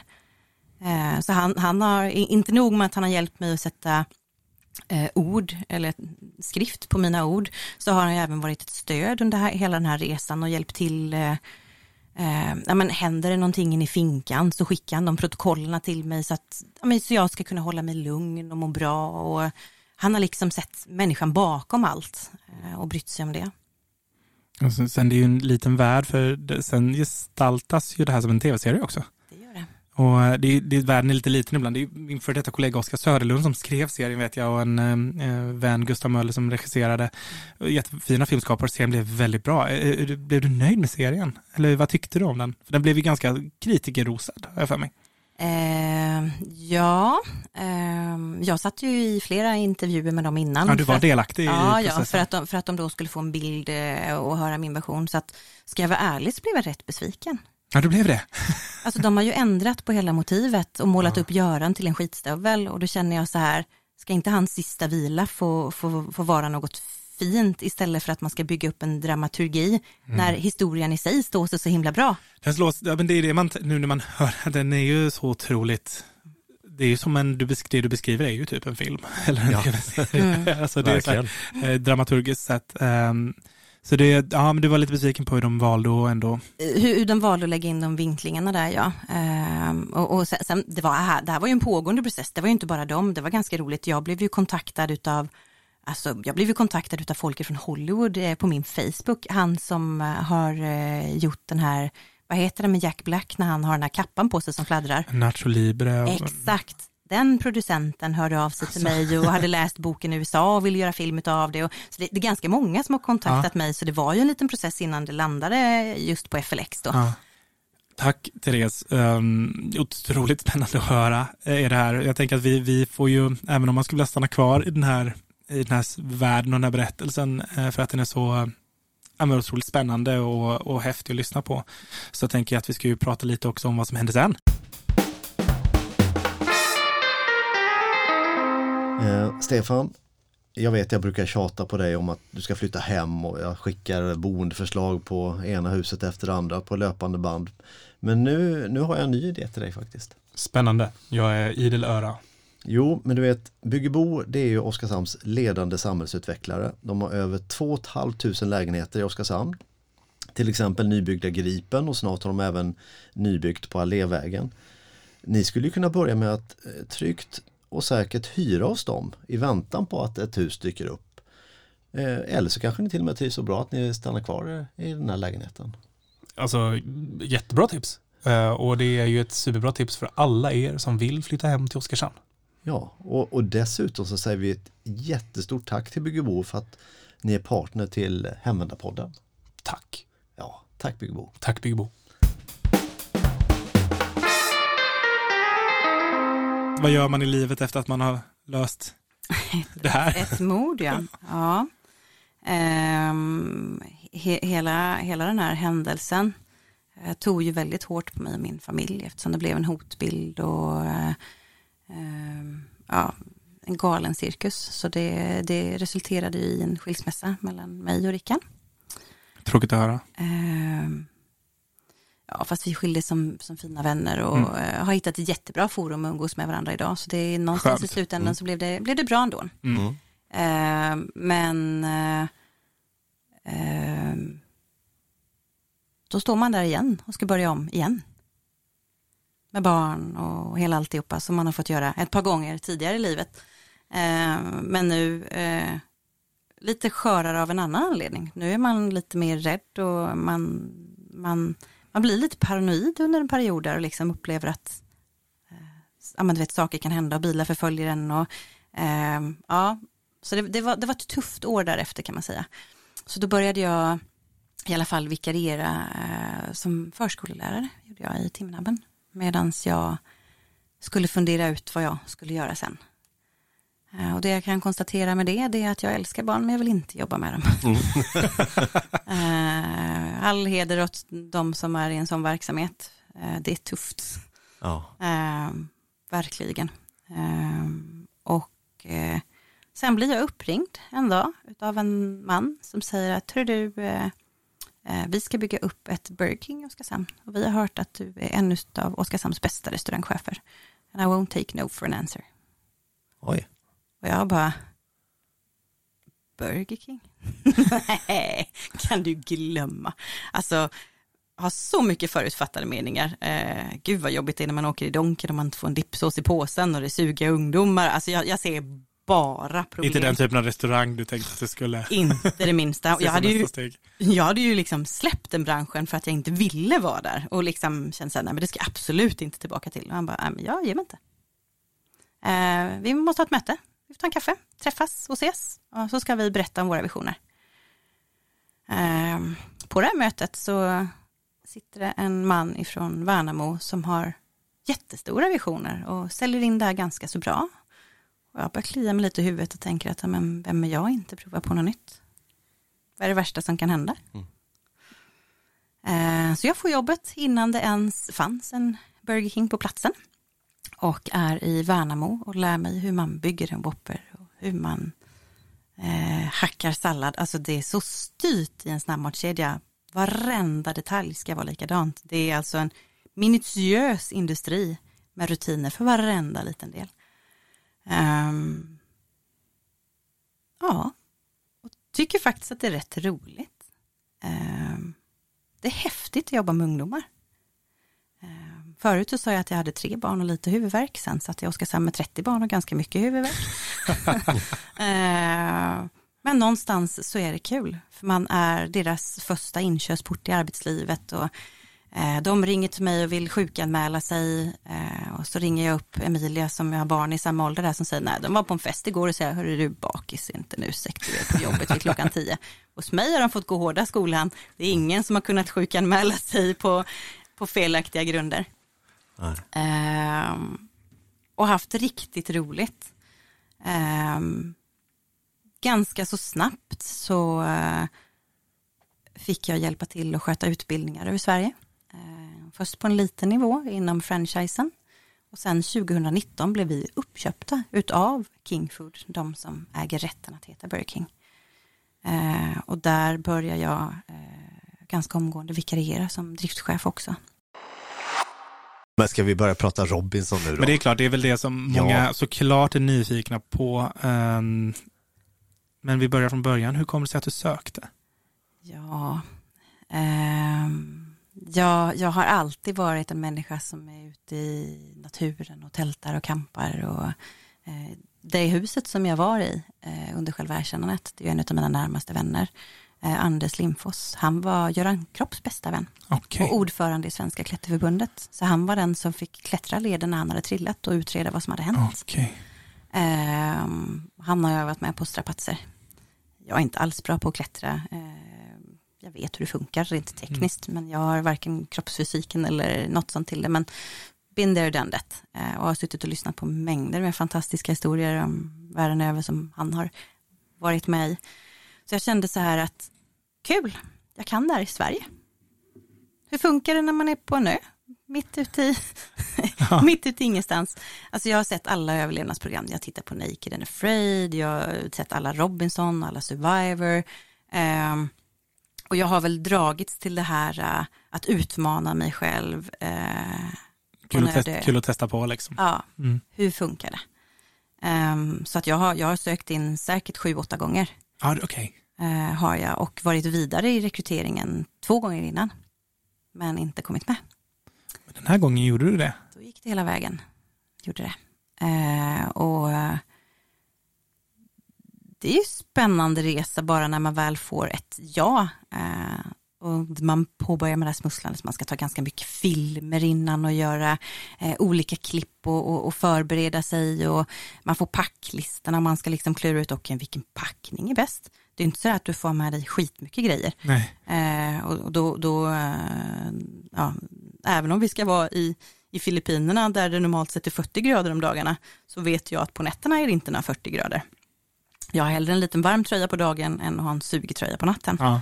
Eh, så jag la ner ganska så mycket energi för att hitta bra kläder och säkerställa att jag skulle vara så funktionell där som Ja. möjligt. Lyckades du tycker du? Eh, jag har bara frysit en natt Ja, vad skönt. och då regnade det. Så att det ja. Med facit i hand, eh, liksom, hur var, var upplevelsen, som, upplevelsen som du tänkte dig? Och liksom, Eh, nej, men det var den faktiskt inte. Det är ju väldigt lite överlevnad. Om, om man säger så här, när man kommer till en ö så får man ett område, då ligger det ett rep här. På den sidan så växer det frodigt med papajer och på den sidan är jag och jag får inte ta den där. Okej. Eh, det förstör lite the survival experience. Ja, förstår. Sen, sen förstår jag att man har de här reporna för att går man utanför och det händer någonting, man, man, alltså produktionen ska kunna hitta en någonstans. Ehm, ehm, men jag hade nog inte riktigt förstått att det är ehm, att det är så mycket dokusåpa över det hela. Jag trodde att man skulle lägga fokus på tävlingar och, och överlevnad, men eh, och det var ju egentligen Robinson från början, Mm. men det var det ju inte riktigt nu. Det ska vara lite underhållande tv också och konflikter. Och, Ja, så är det. Eh, en, en vanlig dag på Robinson ser ut som så. Man vaknar eh, och då kommer det ett medic-team som kollar en och då tar de blodtryck och puls och fixar eventuella sår. Jag är nog den som har varit mest skadad genom hela Robinson någonsin. Jag har ju fortfarande brännskador på både mina armar och ben efter, efter den här eh, resan. Eh, så att det var väldigt mycket medic kring mig kan jag säga. Eh, och efter det så kommer kamerateamet in eh, och filmar oss en liten stund på morgonen. Eh, ja, man kollar vad vi äter till frukost och sen så gör man den här scenen, vi får ett brev. Ehm, efter det så bygger de upp någonting som kallas för synkar. Synkar är att man bygger upp en eller två platser där det sitter ett kamerateam där man får sätta sig och intervjuas. Eh, De ropar in mig och säger hej Therese, hur har natten varit? Ja, jag berättar min natt och så säger jag, fan Magnus, han har legat och snarkat hela natten, gud vilken jobbig jäkel han är. Ja, sen får du gå in dit och säger du, ja Therese hon har legat och snarkat hela natten, gud vilken jobbig jäkel hon är. Så börjar man fundera på, aha, vem är det som snarkar egentligen? Och så går det runt så här. så börjar konflikterna och by- klippas ihop. Liksom. Exakt. Att Kamerateamet filmar väldigt lite om vad som händer på ön. Merparten av tiden sitter de i synkar och intervjuar oss. Så mm. de filmar en liten stund på morgonen när man åker iväg till en tävling och en liten stund på kvällen. Total filmning på dagen är max en timme. Okej. Okay. Resten är synkar. Mm. Uh, och de här synkarna har man ju såklart dels en agenda av frågor man ska ställa och utöver det så ska man även följa eh, följa med vad som händer i läget. Så att eh, dag 13 kan du få sitta och prata om det som hände dag 2 och så ska du försöka komma ihåg hur du kände och mindes då. Inte helt enkelt. Bra då, du har ju bra minnen verkar det som Therese, så du kanske fixar det där ändå. Ja, men det, det, är väl, det, det, är väl, eh, det är väl därför jag är lite rätt fram för att jag, eh, jag har ganska bra, ganska bra rumsuppfattning eh, och säger ju lite vad jag tycker och tänker. Sen, sen är det ju Ehm, mycket saker där som jag har svårt att relatera till eller, eller förlika mig med. Eh, exempelvis, eller ett jättebra exempel i veckan innan gränslandet börjar, så får man höra en deltagare, Pelle, som säger när man avslutar örådet, kommer Therese in till gränslandet så ska jag behandla henne som luft. Men första dagen när jag kommer in i gränslandet så tar man upp det där klippet igen och så säger Pelle, ja Daniela har ju sagt att kommer Therese in i gränslandet ska jag behandla henne som luft. Så cliffhangern var att de kommer hata henne när hon kommer in dit. Sen visade det sig att det var en person som har sagt det. Precis på samma sätt har man använt flera klipp på mig, exempelvis när man säger att jag kritiserar Elsmaris pussel. Men det är hon själv som har sagt det och det är jag som återberättar det. Och vips så framstår jag som en besserwisser. Mm. Samma sak den tävlingen där, jag sitter ju bredvid när man lägger de här pusslerna. Vi får ju se facit för de sitter ju och löser det här. När vi kommer tillbaka så ber kamerateamet, kan du inte feedbacka på det här? Och så klipper man in det som att jag säger, ni har gjort det här fel, så här ska det inte vara. Mm. Det var inte riktigt så.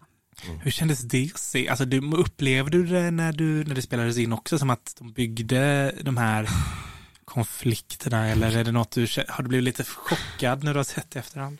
Alltså, jag jag har ju suttit liksom framför tv och kamera ganska många gånger, både intervjuer och sånt där, så att jag var ju absolut införstådd med hur det här skulle funka. Men jag blev så jäkla paff över hur man dramaturgiskt bygger upp saker. Eh, och det är samma sak här, verkligheten hade varit så jävla bra. Så varför har man valt att göra det till något som det inte är? Mm. Jag, jag fattar inte riktigt det. Eh, men, men då vill man ju bygga de här uh, karaktärerna. Man ska ju ha någon som är bufflig i varje läge. Man ska ju ha någon som tar plats. Och, uh, absolut, visst har jag varit i konflikter med folk. Men varför visade man inte dem som de var istället då? Mm. För, för att bygga upp då liksom att jag har varit någon jävla besserwisser. Mm. Upplever du att du har blivit liksom felbehandlad? Uh, ja, alltså uh, ganska direkt från start så blev ju jag utstött av tjejerna.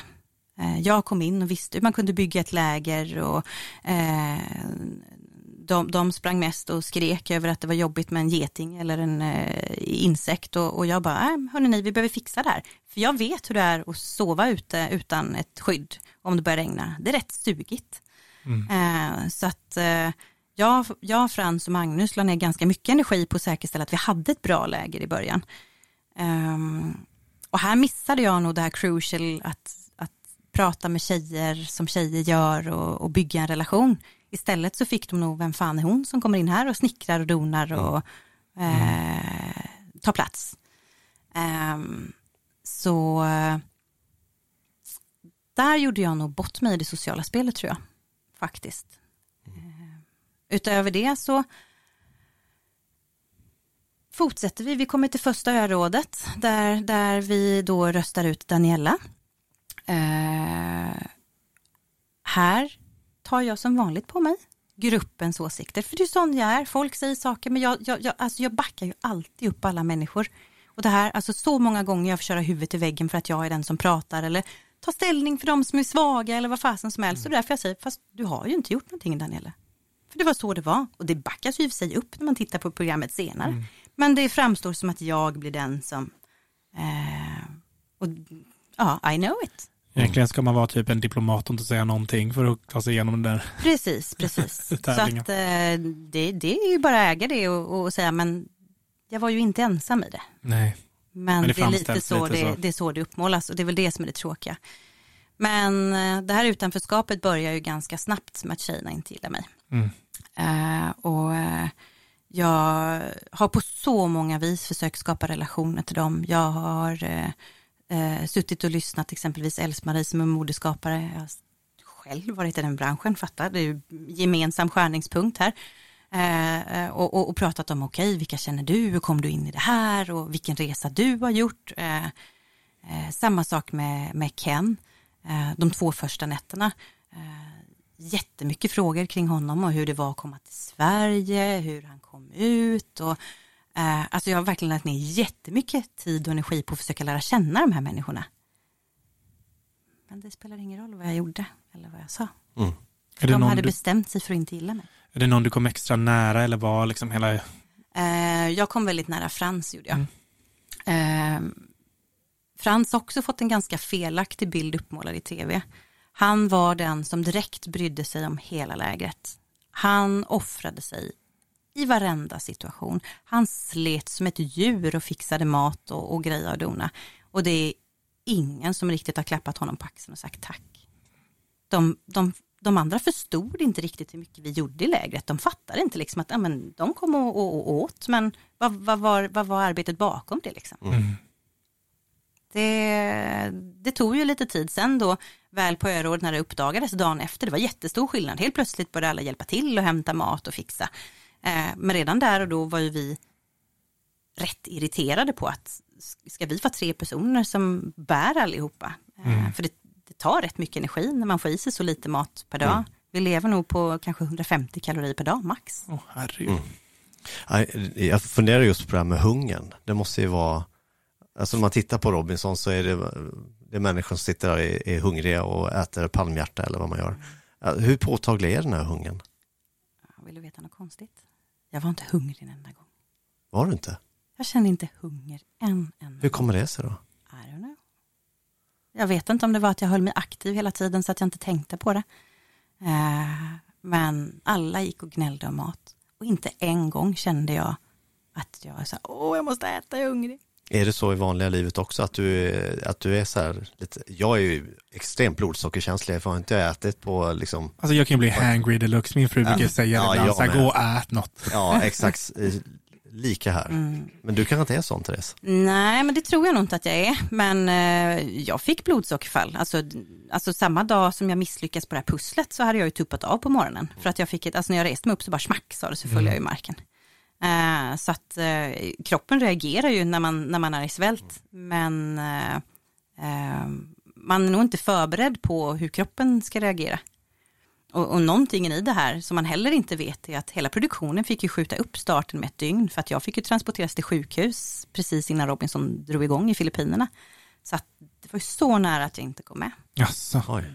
vad var anledningen? Fick, eh, fick ett njurstensanfall. Eh, fick jag. Ehm, så eh, de fick ju köra iväg mig till ett eh, sjukhus i Palawan och röntga mig och kolla. Och där har jag fått ut en sten, men det satt en sten kvar. Mm. och, och, de bara där, ja, det är bara så du vet det. Du behöver tänka dig för, dricka mycket och ha stenkoll på ditt saltintag. Så här har vi hela den här sekvensen när vi pratar, eh, när vi pratar njursten. Ehm, där de då går och kritiserar mig för att, ja men varför kan vi inte salta hon salta själv? Det är också klippt ur sin kontext för att de visste att jag har varit hos sjukan och där har man sagt jag får ta två nypor med salt varje dag i den här mängden. Och jag tog den, sen skulle de strössla på salt i maten och jag kände bara så här, det kan sätta hela min, mm. kan vi inte alla vara schyssta och salta för oss själva? Ja, sån, sån Ja men sån löjlig, löjlig grej va. Och sen så bygger man upp det, ni förstår vad jag ja. menar. Så det är så mycket som är skapat drama i tv som, som man inte riktigt det fanns saker att skapa drama på. Varför gjorde man inte det istället? Jag kan ju förstå det där måste, ja, du har ju beskrivit din känsla för att det ska vara rättvist mm. och, och, så vidare, att det här måste vara väldigt svårt att hantera. Jag skulle nog tänka lite samma sak, man vill gå i försvar, försvara sig själv. Ja. ja. men det är ju det man, nu, nu kollar jag faktiskt inte på Robinson så mycket, men min, min fru gör ju det och när man har glänsat över tvn som man gör, man blir ju indragen. Det är ju som sagt uppbyggt för mm. att man fastnar. Mm. Det känns ändå som att du har du har haft det lite tufft och det, det liksom har beskrivits som att det har varit mycket konflikter kring det. Är det någonting som du är ledsen över eller har vänner reagerat eller hur, hur skulle du vilja Ja, jag förstår vad du menar. Jag vet inte vad frågan är riktigt, men det känns som att när man sitter och pratar med dig så är det ju verkligen inte den personen man möter. Nej, men eh, första veckan när det släpptes på tv, Mm. eh, alltså som jag grät. Jag tyckte det var skittufft och jag bara, varför i hela världen visar man saker på det här viset? Eh, exempelvis, jag blir ju indragen i, i, i en stolpe där när, när Ken och gör den här matchen. Det blir också en sån här grej. Den här matchen, den höll på i nästan 40 minuter. För att han lyckades inte få mig att, att dras dit. Sen puttar han in mig i en stolpe. Eh, där, där, där Petra då ropar att, ja ah, men du Therese, du får inte hålla i dig mot stolpen. Jag, var, jag bara, jag är inknuffad i stolpen, vad ska jag göra? Och här börjar de ju då med att, nej titta även här ska hon ha sista ordet. Och man börjar bygga upp en karaktär på att eh, jag sticker ut och jag ska ha sista ordet jag ska ha rätt. Men det var inte bara jag som ropade så här. Det här, det här skedde med flera stycken i tävlingen. Men man, man bygger upp ett drama som inte finns. Eh, så när jag fick se det här första veckan så var jag skitledsen. För att det är först vecka tre det börjar komma upp lite schismer mellan mig och andra. Eh, det är inte alls här i början. Eh, så det, det kändes orättvist någonstans. Och då, då blir det ju jobbigt. Jag gillar inte orättvisor. Oavsett om det drabbar mig eller någon annan. Ehm, så att eh, jag har haft ganska så tät kontakt med produktionen och de har, liksom, de har gett mig en heads up på det här kommer komma nästa vecka och det här kommer hända sen och syftet med det här är detta. Eh, så att någonstans i den här resan så har man ju gått från att vara ledsen till och ändå, jag förstår syftet, jag vet vad de har gjort det, jag tycker inte det är rätt, men är det what it is någonstans. Eh, och fördelen är då att människor som tittar på det här, man kan titta på det från deras perspektiv eller från mitt perspektiv. Men man börjar faktiskt ganska snabbt se utanförskapet för mig och man ser de här små syrliga kommentarerna och detaljerna och kan bygga upp en röd tråd. Sen att man har då klippt in de här sakerna, att man tar mig i en, en synk när jag återberättar någon annans eller eh, ja, det är bara tråkigt för det, det stämmer ju liksom inte. Om det nu sitter någon och eh, funderar på att ja, men jag vill också söka till Robinson, vad skulle du ge för råd till, till en sån person? Ja, ehm, man måste nog vara en mästare socialt, ehm, tror jag. Eh, och sen även ha en, en god fysik, för det är det så här, eh, du måste kunna leverera, för levererar du inte i tävlingar, spelar ingen roll, bra, jag kan inte prata, spelar ingen roll hur bra du är i ett läger, för att hälften vet inte vad ett lägerbygge innebär och de kommer aldrig någonsin klappa dig på axeln eller förstå syftet med det, utan de ser bara, är man duktig tävling eller är man inte duktig tävling? Så eh, god fysik är mitt bästa tips och sen eh, eh, vara en kameleont i det sociala spelet. Redan när jag skulle åka till gränslandet så kände jag någonstans att det, var, det hade varit skitjobbigt på lag nord, jag hamnade på lag syd och där var de helt fantastiska, alltså vilket gäng, så himla gulliga människor. Eh, och då kände jag så här, äh, men nu har jag liksom, jag har hittat något lugn, det känns bra, jag mår bra. Eh, så att efter det rådet så var det inte alls så säkert att jag skulle till gränslandet, utan jag var faktiskt på väg att redan där och då säga att det får vara nog nu. Men produktionen gick in och övertalade mig, den bara, du är så bra, du är en sån stark kvinna och du måste kämpa på och det kommer bli annorlunda på gränslandet. Och det blev det. Gränslandet var jättemysigt och jag hade jättetrevligt med de fyra där. Eh, men när vi väl skulle tävla in igen, då hade jag bestämt mig för att jag skulle tappa ut. Eh, det man inte visar på tv här, det är att jag sitter och övar med tändstålet och lär alla hur man ska göra. Det pågår ju på tv nu där man säger att varför kom alla på gränslandet in, varför är det så här? Ja, titta, alla använder samma teknik som jag visade dem. Eh, vi hade även bestämt i vilken ordning de skulle, för jag visste att lag Nord hade inte haft tändstål, så att vi bestämde hela vägen vilka de skulle välja beroende på vilka som skulle komma. Eh, och jag sa att kommer Frans eller Johan så kommer jag välja dem, för att då kommer jag göra en läggmatch. Men Frans fick inte upp elden. Han lyckades inte få upp elden med tändstålet. I början stod jag bara så här. Alltså jätte, jättefånigt, jag kämpar inte ens. Och känner bara så här, yes, nu får jag verkligen ge någon jag vill chansen att fortsätta. Ehm, och sen ser jag Daniela sitta där bakom och nickar, men kom igen nu då, han lyckas ju inte, kämpa då. Och börjar tänka så här, ja men det, det kanske är någon mening, jag kanske ska tillbaka igen. Det, det kanske är så att jag, jag är kanske inte färdig här. Och då går det ganska så snabbt, jup, jup, sen har jag upp en eld och så står jag där och har vunnit. Ehm, och jag hinner inte sätta min fot på lag Nordstrands fönsterbörjar. Eh, och det som visas i tv, såklart som ni förstår, det är ganska små fragment. Det här är så mycket större bråk och så mycket mer drama än vad ni kan föreställa er.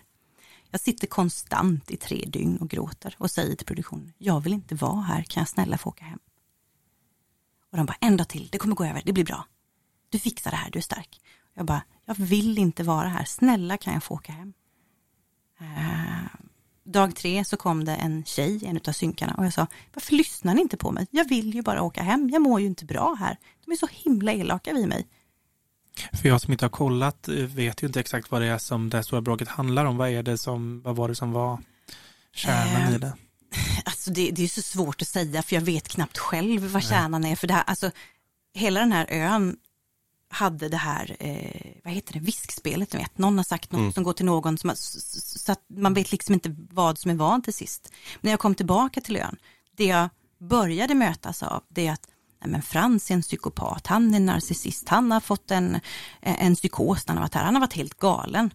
Och det enda jag tänkte på bara, det här är min enda vän här på ön. Och de sitter och snackar så jävla mycket skit om honom. Så vad sa de om mig veckan innan ja. när jag lämnade? Eh, och jag bara, satt, satt, alltså jag blir genuint ledsen när man pratar så illa om, om någon som jag tycker om. Eh, så redan det började ta hårt på mig. Och sen så säger de ju då så här, ja men Ken kommer säga, du har ju kallat mig för elaking. För det säger de i lag syd. Ja, när jag kom till lag syd så förklarade jag att folk var elaka. Helt korrekt. För det var ni ju faktiskt. Men jag har inte kallat dig för elaking. Jag har sagt att ni är elaka. Mm. Men i tv då nu så målar man upp det. Och, du har kallat mig för elaking. Nej, säger jag. Det har jag inte alls gjort. Men man klipper inte det. Eller man, man tar inte med det när jag berättar att ja, jag har sagt att ni är elaka. Mm. Det, det visar sig ganska tydligt på tv att det, det visas bara när du förnekar. Alltså, exakt, exakt. Ja, eh, och sen så säger han ju då att jag har kallat honom för, vad är det han säger, gay guy och någonting. Alltså det är så löjligt. Eh, mm. Min exmans lillebror är gay. Mm. Alltså jag, jag, jag har jobbat i modebranschen, jag har varit med så många människor. Däremot så vet jag vid första örådet att vi skulle fråga Ville, vill du hänga med oss som jobbar i lägret? Men jag kallar dem för Kavagruppen, eller vill ni hänga med Kavagruppen?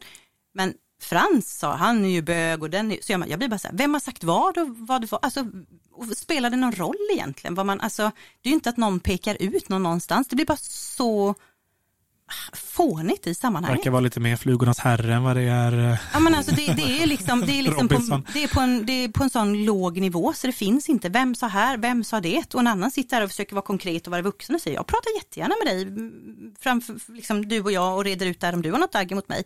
Nej, då ska vi ha någon lynchmobb framför gruppen där de då ska få hänga ut mig och kasta skit. Jag bara, förlåt men jag tar inte det. Nej. Jag har gjort det i skolan, mm. jag gör inte om det igen. Ångrar du att du var med? Alltså jag har bestämt mig för att inte ångra någonting jag har gjort i livet. För att det är det som tar mig framåt och det är det som gör en till den man är. Ehm, jag ångrar absolut att jag inte la mer tid på det sociala spelet i början. Men då hade jag också inte varit den jag är. Och jag är inte den som är falsk eller hittar på eller spelar och vara någon annan.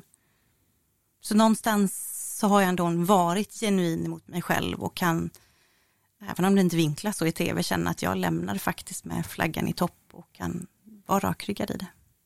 Fint, så det är ändå, det är ändå härligt att kunna känna den känslan såklart. Um, har, vi, har vi någon slut-Robinson-fråga eller?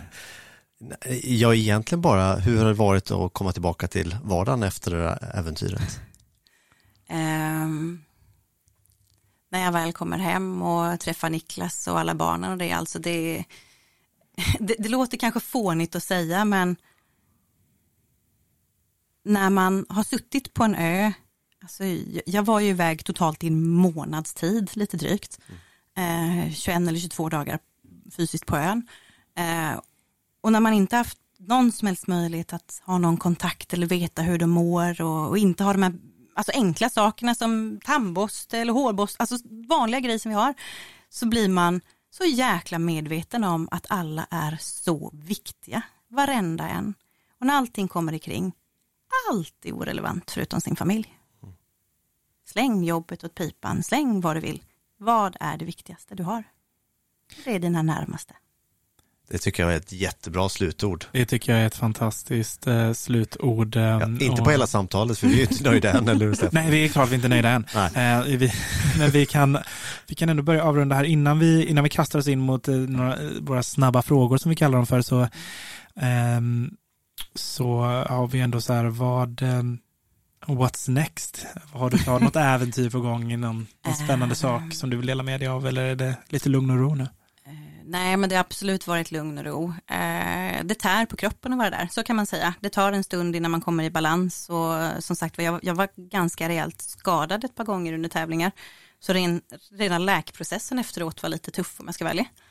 Um, så jag har nog bara försökt att, att, landa i mig själv och njuta av barn och familj och uh, hitta en vardag igen får man säga. Um, vad, vad som jag annars vill, jag på att säga, vad vill jag? Alltså jag vill så mycket. Jag, som, alltså jag har alltid så mycket roliga och kreativa idéer på vad man kan göra och inte göra. Sen uh, ska man ibland dra i bromsbaken och, och, och landa och ta det lugnt också. det är viktigt. Mm. Jo men det är det ju. Det är det verkligen. Eh, så är det. Men eh, jag har alltid haft en tanke på att göra en, en bok nummer två exempelvis. Det finns ju så mycket material som man inte vet om. Mm. Fångarna från Kumla som skickar brev till mig. Vad skriver de om Sara och Martin? Vad säger de i finkan? Alltså det finns så mycket saker eh, som man hade kunnat spinna vidare på. Spännande. Och det blir mig också så här, vad, vad, vad har du fått för brev? Men det kanske vi ska vänta och läsa i boken. Om det kommer någon bok då återstår det se. Men har du ja, en nyfikenheten i mig, vad, vad, så du får alltså brev från dem där ja. de säger, ja. berättar vad de säger om, er, om, om dig? Liksom. Jag, eh, det var en man som kontaktade mig som hade suttit eh, på samma avdelning som Martin och faktiskt brevväxlat med Sara. Eh, och de har någon form av relationen i finkan. Och hon har ju egentligen aldrig velat ta på sig det här mordet men i de här breven kan man ju läsa folk skulle bara veta vad jag sitter dömd för och vad jag är kapabel till och eh, jag är en giftig jävel och eh, oh, det, det, är även väldigt mycket icke PK-ord kan man säga men hon beskriver människor om vad hon tycker och tänker och sticker ut så att eh, ja ehm, som har varit spännande att läsa eh, och de har tyckt att det varit viktigt att jag får ta del av det eh, så att jag eh, jag har varit och besökt ett par stycken som har suttit inne som vill dela information. Jag har haft lite telefonsamtal med några och sådär. Vi, vi har ju en trogen partner som har varit med oss eh, från allra första avsnittet och det är Oskarshamns Energi. Vad eh, kan du säga om dem, Magnus? Ja, men Oskarshamn är ju ledande och drivande som det hållbara företaget inom energi i regionen. Eh, på så vis har de ju också en väldigt central del i kommunens vision om hållbara Oskarshamn. Eh, de levererar förstås el men de erbjuder också en rad olika innovativa produkter och tjänster. Vet du några av dem, Stefan? Klart jag gör. Alltså solceller, laddning till elbilar, biogas, fjärrvärme och mycket, mycket mer. Ja, det är lysande och tack också för att ni ger oss energi som partner till Hemvändarpodden. Tack! Oskarshamns Energi. Tack snälla. Eh, vi ska också tacka Oskarshamnstidningen som upplåter sin eh, fina poddstudio till oss. Eh, Cornelia Höglind som har tagit de snygga fotona på mig och Stefan. Det är sannerligen ingen lätt uppgift att få till det snyggt. Eh, Molly Minot och Adam Dimker som har gjort eh, intro och jingla till oss.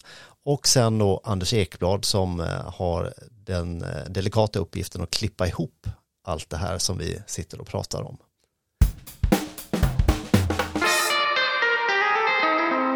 Nu är det så här, Stefan ska ju ställa lite snabba frågor. Ja, precis. Ja, men så här är det, vi har det som ett sånt eh, litet moment, tio stycken frågor, eh, där du ska ganska så top of mind komma med ett svar, så du inte tänka för länge. Eh, du får ju absolut svara ett längre svar, men du får inte tänka så länge. Jag fattar. Så vi börjar med, eh, eh, vad är det bästa du vet? Min familj. Vad är det värsta du vet? Orättvisor. Men det, är väldigt in line med vad vi fått höra här. Faktiskt också. Jag kunde nästan ha gissat den tror jag. Eh, bra svar. Eh, vad motiverar dig eh, mest kreativt, spirituellt och känslomässigt? Mig själv. Fint. Um, nu är det lite, så här, lite jobbigare, eller det kanske, du har jobbat med så mycket, um, så vi får se då, um, om du inte jobbade med det du jobbar med idag, vad skulle du jobba med då? nej men jag skulle faktiskt vilja jobba inom media. Ja. Eh, jag, dels där när jag får åka ut och föreläsa som ni hör, jag tycker det är kul att prata, jag vet att jag kan fängsla en publik och eh, jag är också duktig på marknadsföring. Jag har ingen utbildning men jag har ju lyckats med saker som, samma sak där. Hur gör jag Europas största bröllopslogg på 24 timmar? Well, you did it. I did it. Så att något, alltså, jag hade velat något kreativt med det. Ja. Ja. Det tror jag du skulle göra väldigt bra om du gav dig in i det. Eh, vilket jobb skulle du absolut inte vilja ha? Alltså vem vill jobba som indrivare på Kronofogden? Nej, det känns. Nej, usch. Ja, det, det var det är också ett ganska så tydligt svar, men någon måste göra det också. Eh, men inte du, och jag skulle heller inte vilja vara det, och inte du heller var Magnus. Nej, Nej. tack. Eh, vad är du mest stolt över i ditt liv? Nej men det är mina barn, utan tvekan. Och de sista, också väldigt fint svar. Um, vad skulle, vad, ehm, du, får- du brukar köra de tre sista här, för det är Ja. liksom dina Oskarshamns... eh, Absolut, vi, vi smyger in lite Oskarshamnskoppling här då. Men vad är din favoritplats i Oskarshamn? Oj, eh, jag skulle nog säga att det är klipporna ute i Enemar. Ja, det är en klassiker. Ja. Jättefint. Vad är ditt vackraste Oskarshamnsminne? Hmm, vackraste Oskarshamnsminne. Får man vara så klyschig då att det är när man gifter sig eller något sånt där? Jag menar, det är ju vackert Ja. och fint och lulligt men Absolut, jag skulle nog svara det som Ja. mitt vackraste Oskarshamnsminne. ja, det tror jag nog att det Och är. du som hade också ett av, eh, vad var det nu, ett av Europas eh, mest, eh, vad var det? Ja, alltså det, det, jag hade ju Europas största bröllopsblogg. Så det, Ja, just det. Ja, Ja. Eh, nej men det, det, det är väl ett vackert Oskarshamnsminne. Ja, det tycker jag låter alldeles utmärkt. Eh, Och nu ska du få hjälpa mig i mitt vanliga jobb då. Vad, vad tycker du vi ska göra för att Oskarshamn ska bli en ännu bättre plats? Ehm, Alltså först positivt och jag tycker att man utvecklar eh, handelsområdet eh, eller stadskärnan väldigt mycket mer och att man vågar ta in flera etableringar. Och jag, jag tror att det är på den spåret man måste fortsätta. Vå, liksom finna utrymme för att få in större, större kedjor i Oskarshamn. Mm. Det är så väldigt många som åker till Kalmar och handlar och eh, vi har ju en jättefin stadskärna. Absolut. Så eh, fortsätta bygga på och utveckla den och ta in flera etableringar tror jag. Jättebra, så gör vi. Och nu då? Nu blir du, Nu blir jag Stefan, att, Stefan har tagit på sig domarkläderna. Ja, stack ut här och tog på mig den randiga tröjan, nu är det dags. Vi kör ju också ett litet quiz eh, och, där, där liksom vi kommer ställa fem frågor. Inte snabba frågor, utan fem, frå- fem frågor som du ska svara på eh, som avgör lite om hur mycket Oskarshamnare du är. Nu är ju du en alltså, inflyttad Oskarshamnare, Ja, ja. så. Men, eh, men du kan ändå ha chanser att bli en äkta Har jag Oskarshamnare. livlina då som jag kan ringa pappa på det här eller? Nej, men det, nej, tyvärr inte. inte. Inte vem vill bli miljonär eller postkodmodellen här, utan vi, vi får köra på din kunskap här. Men så här är det att fråga ett ger ett poäng, fråga två ger två poäng och vidare till fem då som ger fem poäng och så får, Alltså, kan det man få här kan 15 ju bli poäng. pinsamt hör jag ju. Nej. Nej, nej, nej. Sex poäng behöver man för att vara en Oskarshamnare med potential. Tio poäng då man är en äkta Oskarshamnare. Får man full pott, då blir man kvalificerad att bli tolvskillingsgeneral. Just det. Ja. Ehm, så vi, vi, vi kör. Ja, absolut. Ja, Eh, Magnus läser frågorna och eh, jag är domare. Då. exakt. Så är det. Och lite stegrande svårighetsgrad. Vi försöker alltid anpassa lite grann efter gästerna då, så vi får se hur vi lyckats här nu då. Ja. Fråga nummer ett. Vad heter snabbmatsrestaurangen intill E22 i Forbo? Sibylla. Ja, det är rätt.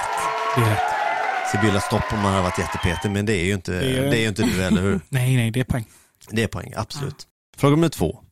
Vad heter gatan där Oskarshamns polisstation ligger? Slottsgatan. Ja men snyggt. Det stenkoll på. Ja, jättebra. Det går ju som en dans här. Okej, eh, fråga nummer tre. Vad heter företaget som håller till på Espö? Eh, ja, men det heter väl SP-laboratoriet? Ja, och vad är företaget då? Eh, SKB är det väl? Ja, visst är det det. Med det här kan vi ju då konstatera att du har klarat gränsen för att vara en eh, Oskarshamnare potential. Oh. Så att allt nu är ju bonus. Ja, Sex poäng intjänade. japp, okej. Fråga nummer fyra. Det finns ett ställe i Mörtfors som blivit nationellt omtalat för att vara hemsökt. Vad är det för ställe? Alltså vet ni om att jag som ung åkte runt varenda spökplatser i hela Småland. Men vad heter det? Ett anrikt ställe i Mörtfors. Garanterat att jag vet, för det var liksom min hobby som ung. Åka runt och jaga spöken. Inte ens, och, det var inte, och det har vi inte ens pratat Nej. om. Spökjakterna. Ja. Nej, jag, tyvärr. Mörtfors pensionat. Se där. Jag, ehm, det var i- utanför Mönsterås, vi åkte till så här, vad heter det? Fors, ja, Riset, Riset och ja. Forsa. Ja, det, var ju, ja, det finns massa grejer. Ja. Ja, men Mörtfors pensionat är Ja. spännande. Ja, det, det Det får ni kolla. Mm. Nyfiken. Okej, fråga nummer fem då. Vad kallades den omtalade kvinnan från samhällets utkant som bodde i en grotta intill länsmansängen på 1800-talet? Det här vet jag ju också men inte kommer på. Alltså det är en jättefan, alltså det är en ganska rolig historia kring det Ehm. nej, tyvärr. Hon hette Klara Fuling. Eller hon hette inte så, hon kallades Klara Klara. Fuling. Ja, för Fuling. är det jag... Klara Fulings grotta. Okej, det, hade, jag- det, det, det fanns alltså någon som bodde i, jag hade hört Nej, om jag har hört talas om historien, pappa har berättat den men jag har nog bara hört fuling. Ah, okej. Mm. så att, ja, nej. Men med det sagt så vill vi tacka för quizet och konstatera att du är en Oskarshamnare med potential. Ja, Tack Therese. Och tack för det här, det har varit otroligt, alltså det har varit så spännande att sitta och lyssna på. Men framförallt för att lösa, det är ju, det var ju, Ja. man förstår varför det som sagt skrivs böcker och görs poddar, radiodokumentärer och tv-serier om det här. Tre länder är den översatt i nu, boken. ja, det förvånar mig inte alls, det är ju en, en, en spännande berättelse, en spännande, alltså det är ju en, det är en spännande kanske fel ord, men den var ju spännande, men det är ju en, ja. Och du är duktig på att berätta också så att Ja, eh, jag- Stefan och jag har både hållit andan, vi behöver duscha efteråt eh, av den här Ja. spänningen som du har byggt upp här nu. Så att, nej, jättekul samtal, intressant och det ska bli spännande att se vad du hittar på härnäst. För något lär det ju bli, det, det tror jag vi kan vara rätt säkra på, eller vad säger du Det tror Stefan? jag också. Ja. Ehm, att det kommer vara, nej men tusen tack, inspirerande att få prata med dig. Själva. Ja. Jätteroligt att vara här. Tack. Och Stefan, vi, eh, vi tar en liten paus och sen så hörs vi säkert snart igen med en ny spännande gäst. Absolut, jag hoppas att ni har gillat eh, avsnittet. Eh, och som alltid ehm, så kan ju man ju nå mig och Magnus via våra sociala kanaler ganska lätt. Eller via vår Instagram Hemvandarpodden. Om man vill tipsa om gäster får man gärna göra det. Och där kommer vi återigen till den sista frågan till dig. Therese, Ehm, om du skulle tipsa om någon gäst vi ska ha med i framtiden som är Oskarshamns koppling. Vem skulle, har du någon, någon idé eller någon, någon vi skulle kunna ha Ja, med men oss? alltså, ni har ju tagit med två brudar redan som jag hade lite koll på. Eh, både eh, Amanda och sen hon eh, som jobbade lite med media. Stod Victoria. namn, Precis, ja. Exakt. Ehm. bra. Om du inte kommer på någon nu så kan du ju som sagt. Ja, jag ska suga på den karamellen. Ja, får du skicka in till oss. Mm. Eh, och om ni andra har eh, någon ni tänker på, är det bara DM oss. Eh, men ska vi säga tack för idag. Ja, jag tycker det. Tack för idag. Tack så du ha. Hej. Hej!